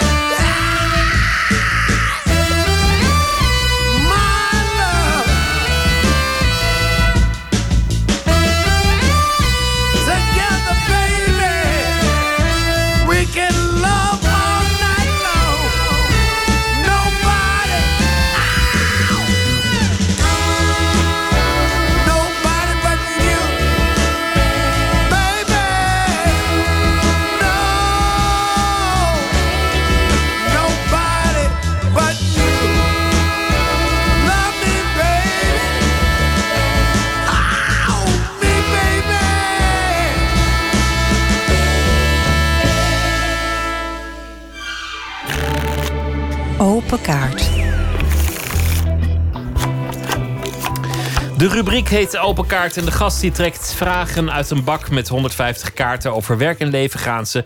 En te gast is bariton Anthony Heidweiler. Al lang werkzaam in de operawereld, maar ook een pleitbezorger van het genre. Hij probeert mensen op allerlei manieren te betrekken bij de opera. Bijvoorbeeld een basketbalopera. Hij heeft uh, opera's in flatgebouwen gedaan, in bussen. Hij wil het niet eenvoudiger maken, maar wel toegankelijker. En hij is nu betrokken samen met Pierre Audi bij het Opera Forward Festival. Dat is uh, op dit moment gaande nog tot 30 maart, tot en met 30 maart bij de Nationale Opera. Hartelijk welkom, uh, Anthony. Goedenavond. Heel druk op dit moment. Heel veel uh, dingen die gaande zijn. Artiesten die, die komen, artiesten gaan, voorstellingen. Je doet een aantal publieke gesprekken. En, en ook nog alle organisatie. Dus, dus dank je wel dat je tussendoor ook nog even wat nachtrust opoffert om, om hier te zijn. Waar was je, waar was graag, je, graag. Ik doe dat graag. Waar was je vanavond mee bezig? Vanavond was uh, de tweede voorstelling van Wotsek. Um, uh, uh, heel eerlijk gezegd, daar zat ik zelf niet bij bij deze voorstelling. Want ik was op, eigenlijk achter de schermen bezig om van alles nog te organiseren voor de komende dagen. De mensen die er allemaal komen, de studenten die allemaal bezig zijn. Zo ongeveer zo'n 500 studenten van het kunstvak onderwijs. En na afloop van de opera, die ik natuurlijk wel zag afgelopen zaterdag... maar na afloop van deze voorstelling had ik nog een aftertalk. We, hebben na elke voorstelling hebben we een zogenaamde aftertalk. En we hadden de eer dat Eva Maria Westbroek eh, onderdeel was van deze aftertalk. En die ging praten met, die, met een aantal studenten uit het kunstvakonderwijs. Wat die van de opera Wotsek vonden. En dat was heel spannend en heel goed. En toen snel de taxi in en hierheen. Zij is denk ik wel op dit moment, als je, als je het vanuit Nederland bekijkt, de, de, de grootste zangeres in, in, in het opera-genre. Ja, zeker, zeker. Wereldwijd beroemd. Absoluut. Dus dat is al mooi. Wie ook wereldberoemd is, maar misschien niet bij naam, is, is de, de, de pianoman, de Syrische jongen die zijn piano naar buiten bracht na het bombardement en daar zat te spelen. Emat Ahmad. Ik denk, ik denk dat iedereen zo'n beetje wel dat filmpje heeft gezien en, en ja. zich zal herinneren. Ja, ik, ik was toen ik het voor het eerst zag, toen was ik daar zo door ge, getroffen, omdat ik toen ook zag van oké. Okay, kunst kan de wereld veranderen. Die man plaatste die piano buiten met zo'n urgentie en een noodzaak. Ik dacht van ja, maar ik moet die man hierheen halen. Die moet in Amsterdam tijdens het Opera Forward Festival optreden. Want het thema van onze Opera Festival is dit jaar macht en onmacht. Met als ondertitel Hoe kan kunst de wereld veranderen? En eh, als ik dat nog even uitleg... Uh, die titel, of dat thema, macht en onmacht. De macht van de kunstenaar. Maar ook de onmacht van de kunstenaar. De kwetsbaarheid. Ook in de politiek. Hoe serieus wordt kunst uh, genomen? Hoe machtig of hoe groot is de onmacht daarin? Dus die man dacht ik van, ja, die heeft... Oh, dat, is, dat, dat komt vanuit zo diep, die halen we hierheen. En die komt aanstaande zaterdag...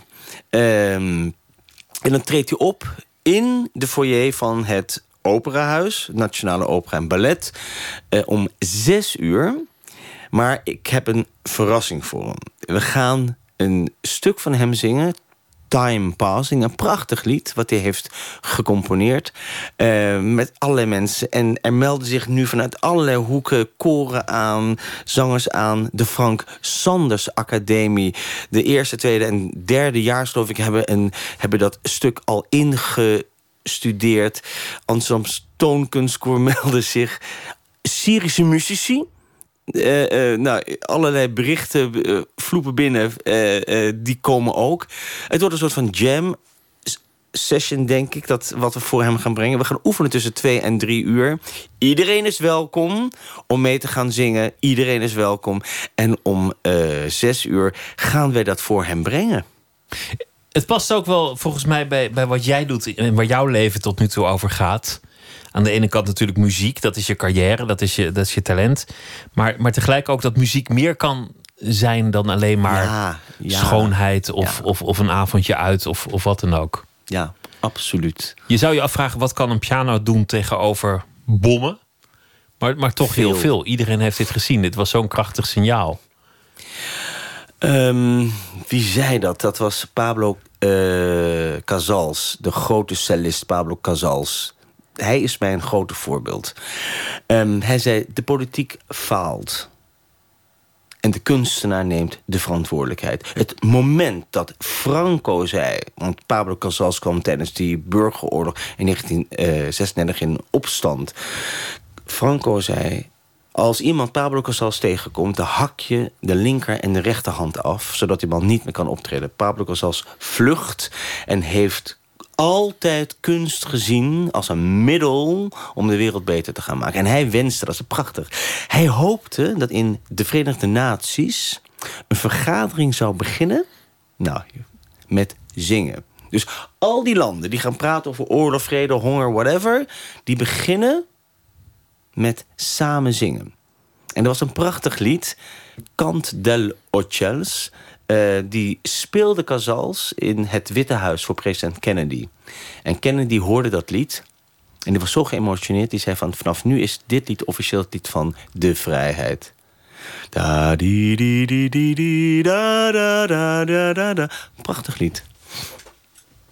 Dat is, dat is een, een prachtige scène ook. Zit ook in, in die film die nu draait over, uh, over, over Kennedy en, en over, over Jackie. Je hebt zelf ook een aantal projecten gedaan die, die ik bijzonder vond. Bijvoorbeeld opera in de bus. Ja. En voordat je dat ging doen, dacht je: nee, ik moet eerst de sympathie winnen en, en, en het vertrouwen van die buschauffeurs. En toen heb je een tijd lang zelf bussen gedweld. Hoe weet jij dat? ja. Maar het is waar, toch? het is absoluut waar. Het was echt een toestand. Want laat eens maar zeggen, ik wou die opera's brengen in deze bus. Uh, uh, niet als een soort van gimmick, maar hoe dichtbij kan je het brengen? De verhalen van de buschauffeurs, dat was het doel. En um, in die bussen, en die buschauffeurs vonden dat allemaal niks. En inderdaad dacht ik van, ik, ik moet contact maken. Want dat is een participatieproject. En ben ik inderdaad, heb ik drie maanden lang... of vier maanden lang zelfs, s'nachts de bussen schoongemaakt. Dus die buschauffeurs, die zagen mij... En toen heb ik een koor kunnen maken met buschauffeurs. Dus tijdens dat hele project met die opera's in die bussen... trad op het overdekte station van Utrecht toen... het was in Utrecht, dat busproject... was het buschauffeurenkoor. Nou, dat was echt geweldig. Een hele um, grappige manier om, om mensen bij opera te betrekken. Om, om dat, dat hoogdrempelige dat sommigen erin zien, ja. er vanaf te halen. Om het, om het ineens dichtbij iedereen ja. te brengen. Maar laten we het even hebben over die basis van opera. Opera is in de eerste plaats zingen. En opera heeft te maken met een bepaalde manier hoe je dat dan uit. En met name in het begin hè, van de 18e eeuw heeft zich dat ontwikkeld... doordat ze die theaters gingen bouwen, et cetera, et cetera. Maar um, ik, heb, ik ben uh, operazanger. Ik ben ooit gaan uh, zingen. Niet omdat iemand zei, je hebt zo'n prachtige stem... maar ik heb een handicap, stotteren. Uh, de luisteraars die dat ook hebben, die horen mijn trucjes. en, en wat ik zo waanzinnig vind aan die manier van zingen is dat, de, dat je echt die ademstroom moet gaan voelen. Dus het is anders dan popzingen, waarbij je, met, waarbij je technisch zingt met de microfoon. Dus veel meer op de medeklinkers. Maar die basis van, dat, van die zogenaamde, dat zogenaamde opera zingen is werkelijk wel de oorsprong of van wat je doet. En als je dat eenmaal kent, ik zing ook met Kiteman Orchestra, kan je van alles zingen. Maar ik denk opera terugbrengen naar in de eerste plaats dat dat een prachtige manier is van vocaal bezig, bezig zijn. Nou, haal daar even alle uh, clichés van af en, en breng het eens terug naar dat wij, net zoals Bizet dat wilde met de Carmen, net zoals Nozze di Figaro van Mozart, die wouden de verhalen die in de wereld plaatsvonden, die wilden zij vertellen door middel van opera. En dat is wat we weer moeten gaan doen. En dat vindt al plaats, hè? Niet dat het dus niet plaatsvindt. Het vindt absoluut plaats. Nixon in China van John Adams is daar zo'n duidelijk, een duidelijk voorbeeld van. Wozzeck van Alban Berg is daar zo'n duidelijk voorbeeld van. Mooi, laten we, laten we beginnen. Dit, dit klinkt, uh, dit klinkt aanstekelijk wat je zegt. En het, het festival is nog aan de gang. Maar laten we nu beginnen met de kaart. Ik wil je vragen Spannend. om er een te trekken. Ja, ik, ga, ik, ga, ik, doe, ik, ik doe mijn ogen dicht. Ik heb een kaart. Ja, ik heb een kaart. oh jee. Wat wil je later worden? Ja. Wat wil je later worden? Ehm, ik wist het vroeger echt niet. Want met die handicap stotter was dat een ding. Ik denk, wat wil je laten worden? Ehm, ja, ik ben sinds anderhalf jaar vader. Ik denk dat ik een hele goede vader wil zijn voor mijn zoon. Nou, dat is, toch dat? ook, dat is toch ook iets wat Ja? je wil worden? Een, een hele, of, of al bent of wil zijn. Een hele goede vader. Ja. Trek er nog, eentje.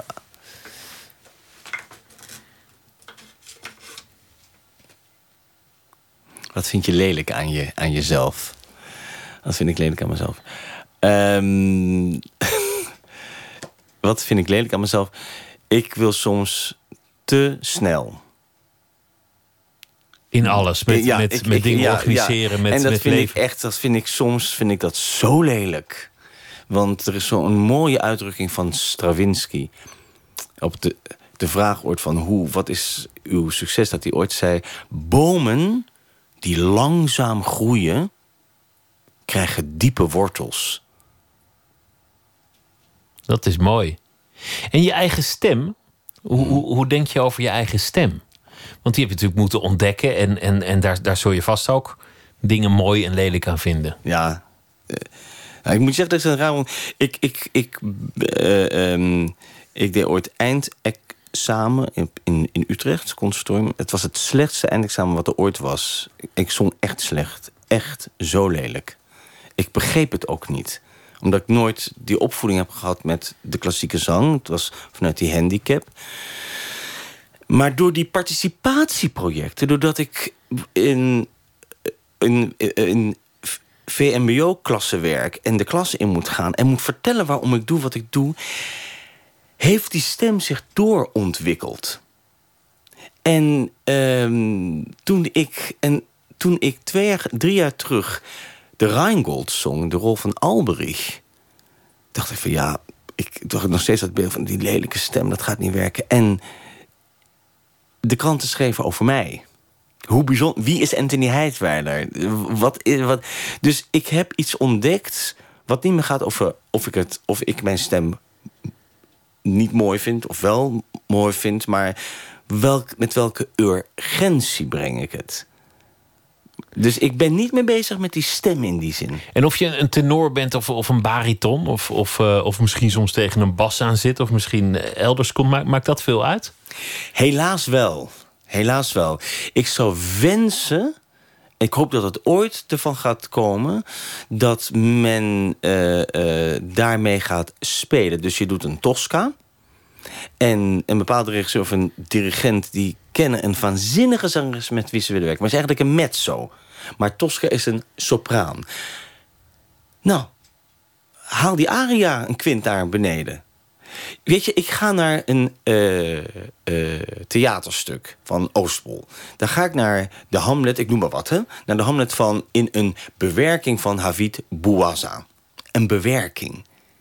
Ik zou zo graag willen dat ik naar een Tosca ga, ooit in een bewerking van Colin Benders. En dat niet iedereen zit te wachten van, oh, haalt hij die noot wel? Of, of nee, hoe en dat gaat niet dit? iedereen zit te, te wachten. Hoor ik datgene vanavond wat ik thuis ook hoor als ik een cd of een dvd opzet? Als ik wel eens aan jonge zangers vraag... wat is nou jouw grootste angst om het podium op te gaan? Dan zeggen ze wel eens... kan ik wel concurreren met die cd-kast? Eh Colin Benders zei ooit een keer iets prachtigs. Ze zei van Anthony... eh, ik weet niet of iedereen hem kent, Colin Benders, maar dat is Kiteman. Kiteman. Die zei, oh, Anthony, eigenlijk zouden we iets moeten eh, veranderen. Het moet niet meer een conservatorium heten... waar je wordt op, opgeleid tot klassiek muzici... maar een innovatorium. Waarin je niet conserveert, maar wel vanuit een liefde voor de traditie... vervolgens zegt, oké, wat ga ik nou met die techniek doen? In plaats van voldoe ik aan wat de wereld wil? Of ga ik daar een. In plaats van virtuositeit op de eerste plaats zetten, ga ik daar authenticiteit zoeken. De opera weer tot leven wekken, dat is ook precies waar het festival over niet- gaat. ja, maar ik bedoel, er vindt al heel veel plaats. Hè? Laat dat wel helder zijn. Er vindt heel veel plaats. Maar ik denk dat we een, een volgende stap kunnen gaan. eh, zetten. Om door middel van de opera de vragen die we in, de, in deze wereld hebben... en er zijn heel veel, en het worden alleen maar meer... de opera kan emotionele antwoorden geven. Dankjewel en heel veel succes met alles wat er uh, te gebeuren staat. Het Opera Forward Festival. Anthony Heidweiler, dankjewel. Graag gedaan. Het echtpaar Derek Trucks en Susan Tedeschi... die zaten allebei in verschillende bands... tot ze uiteindelijk samen gingen spelen... samen met uh, nog een uh, flinke band, elfkoppig. Tedeschi Trucks Band. En uh, dit nummer heet Calling Out To You.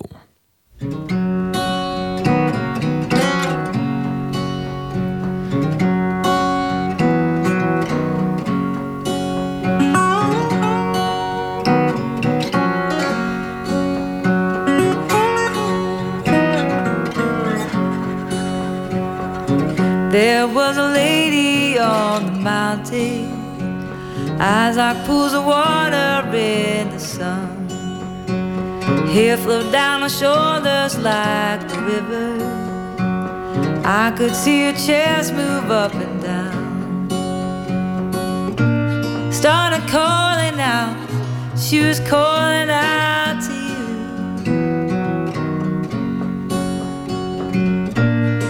Her calling out, she been calling out to you.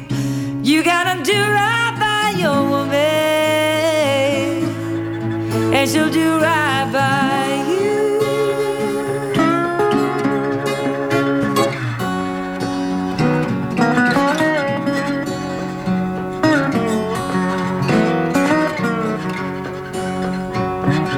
Walking with a mason jar of She can't find the light she needs within. You can hear her echo off the mountainside. Awful singing feeling you can't swim. She was calling out, she was calling out to you. You hear her calling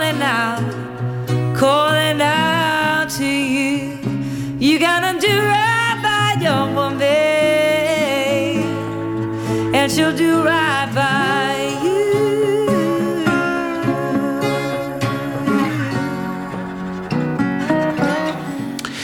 Tedeschi Trucks Band, Calling Out To You.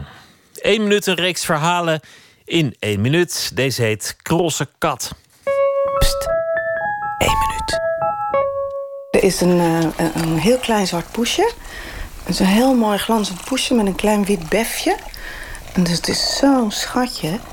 Het is alleen een beetje raar, want hij gaat op een hele rare manier... gaat hij lopen miauwen. Wauw, wauw. Het is nou, uh, denk ik, al uh, zeker twee weken bezig. Ik zeker al twee weken uh, eigenlijk geen oog dicht doe s'nachts door die kat.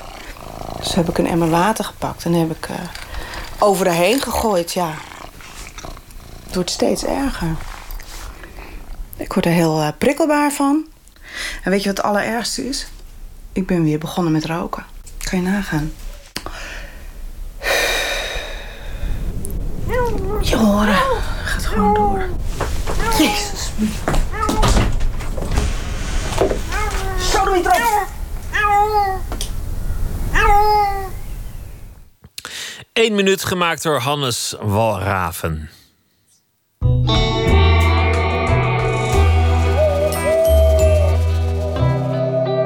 Erik-Jan Harmens is deze week onze huischroniqueur. Hij heeft een nieuw boek uit, Paul. Dat gaat over uh, autisme. Hij heeft al eerder boeken geschreven, dichtbundels en het uh, boek Hallo Muur. En deze week elke nacht een verhaal over de voorbije dag. Erik-Jan, goeienacht. Goeienacht, Pieter.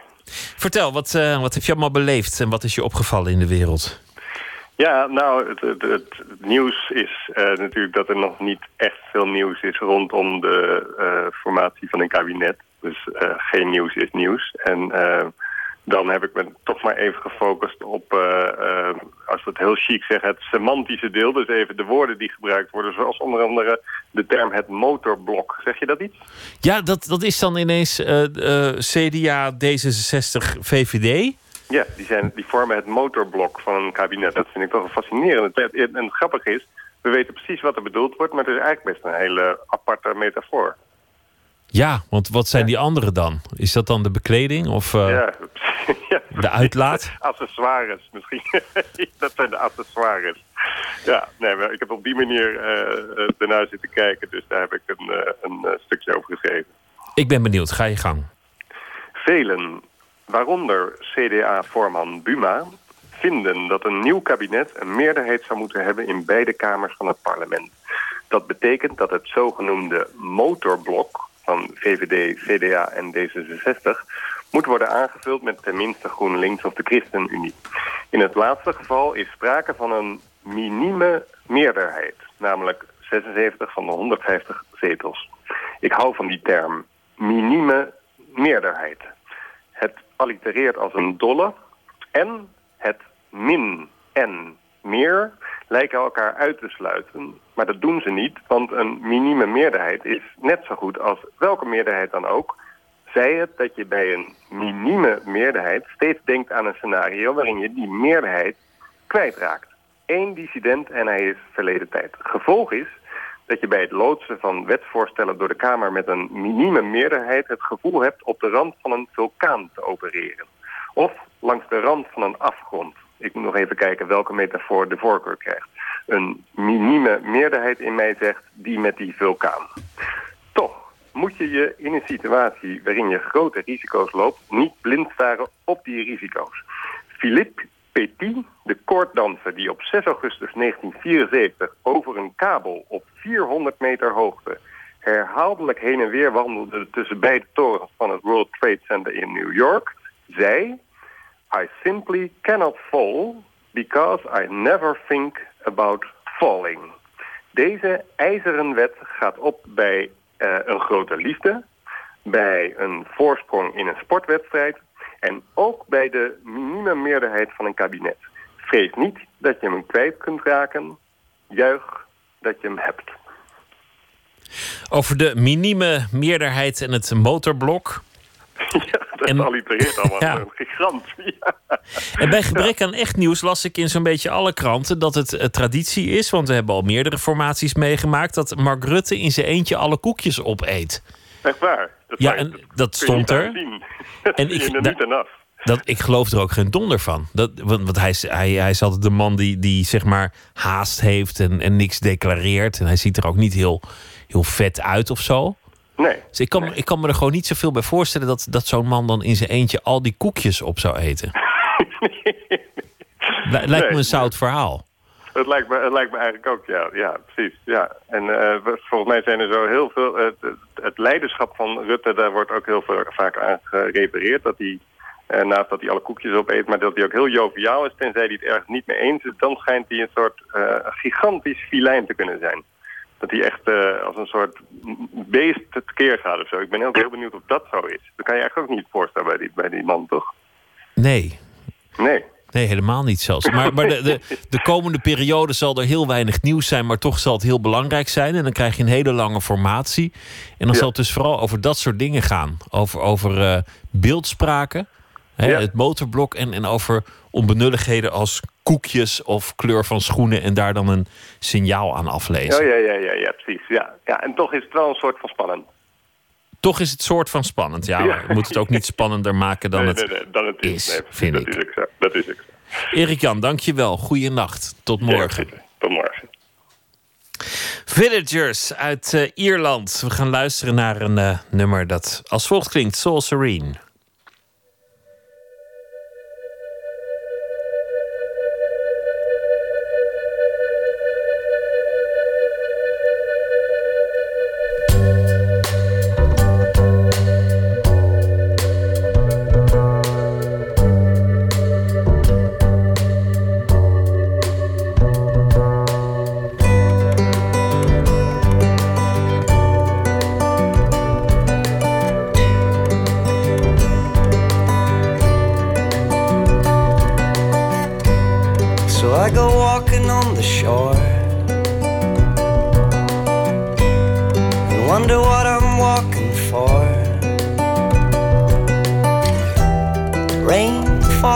stream.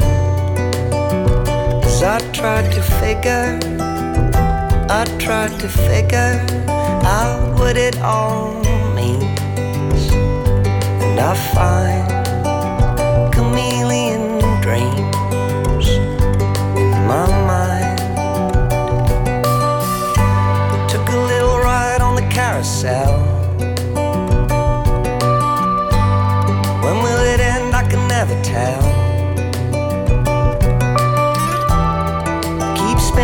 the soul serene till I've got no reason.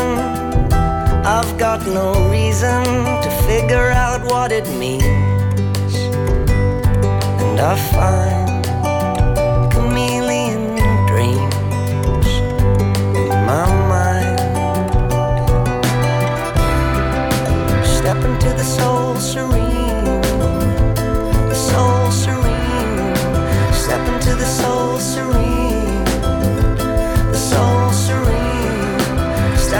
serene, serene. Where have you been all my life?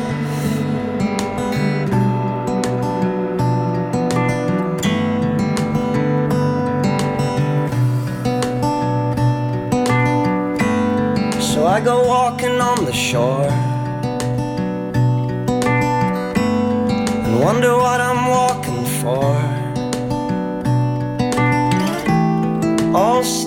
sunlight seen, but something tells me, something tells me all is not as it seems. And I find chameleon dreams in my mind. Step into the soul serene, the soul serene. Step into the soul serene,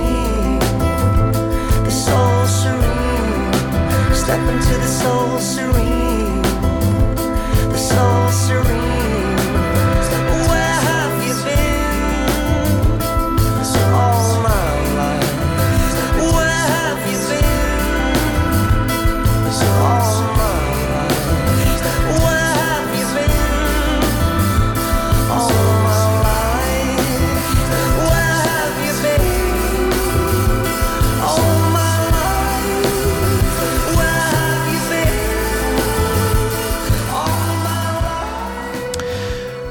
Villagers was dat een eh, Ierse band. We eindigen met poëzie van K. Schippers. En eh, deze week zal hij elke nacht een gedicht uitkiezen en voordragen. Deze heet In de tijd van een ander.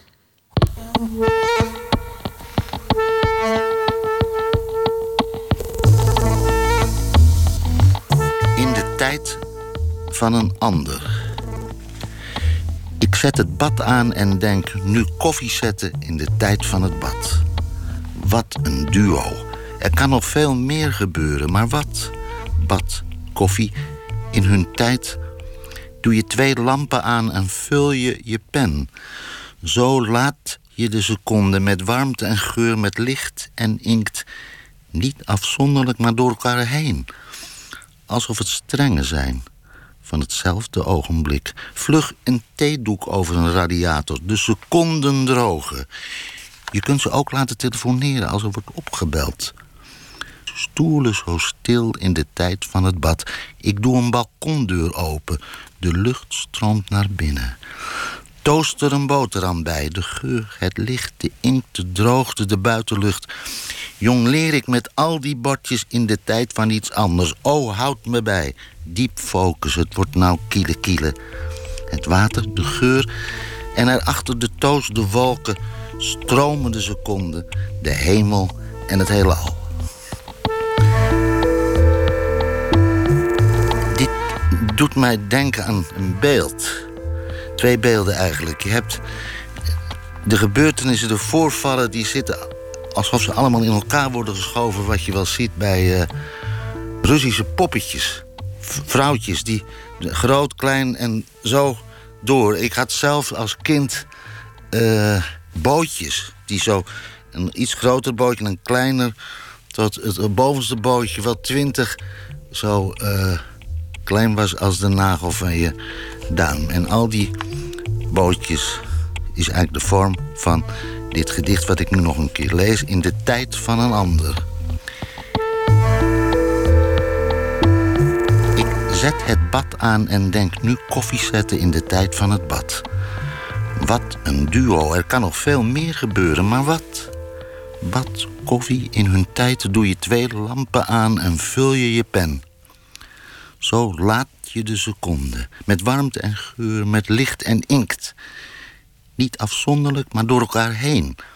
Alsof het strengen zijn van hetzelfde ogenblik. Vlug een theedoek over een radiator. De seconden drogen. Je kunt ze ook laten telefoneren als er wordt opgebeld. De stoelen zo stil in de tijd van het bad. Ik doe een balkondeur open. De lucht stroomt naar binnen. Toost er een boterham bij. De geur, het licht, de inkt, de droogte, de buitenlucht. Jong leer ik met al die bordjes in de tijd van iets anders. Oh, houd me bij. Diep focus wordt nou kiele kiele. Het water, de geur en erachter de toast, de wolken, stromende seconden, de hemel en het heelal. Kaas Schippers las het gedicht in de tijd van een ander. Morgen in Nooit meer slapen komt Connie Palme op bezoek. En dat uh, is vanwege het essay dat ze heeft geschreven in het kader van de Boekenweek. Dat is uh, deze week. Dat allemaal morgen. Voor nu een hele goede nacht en graag weer tot dan.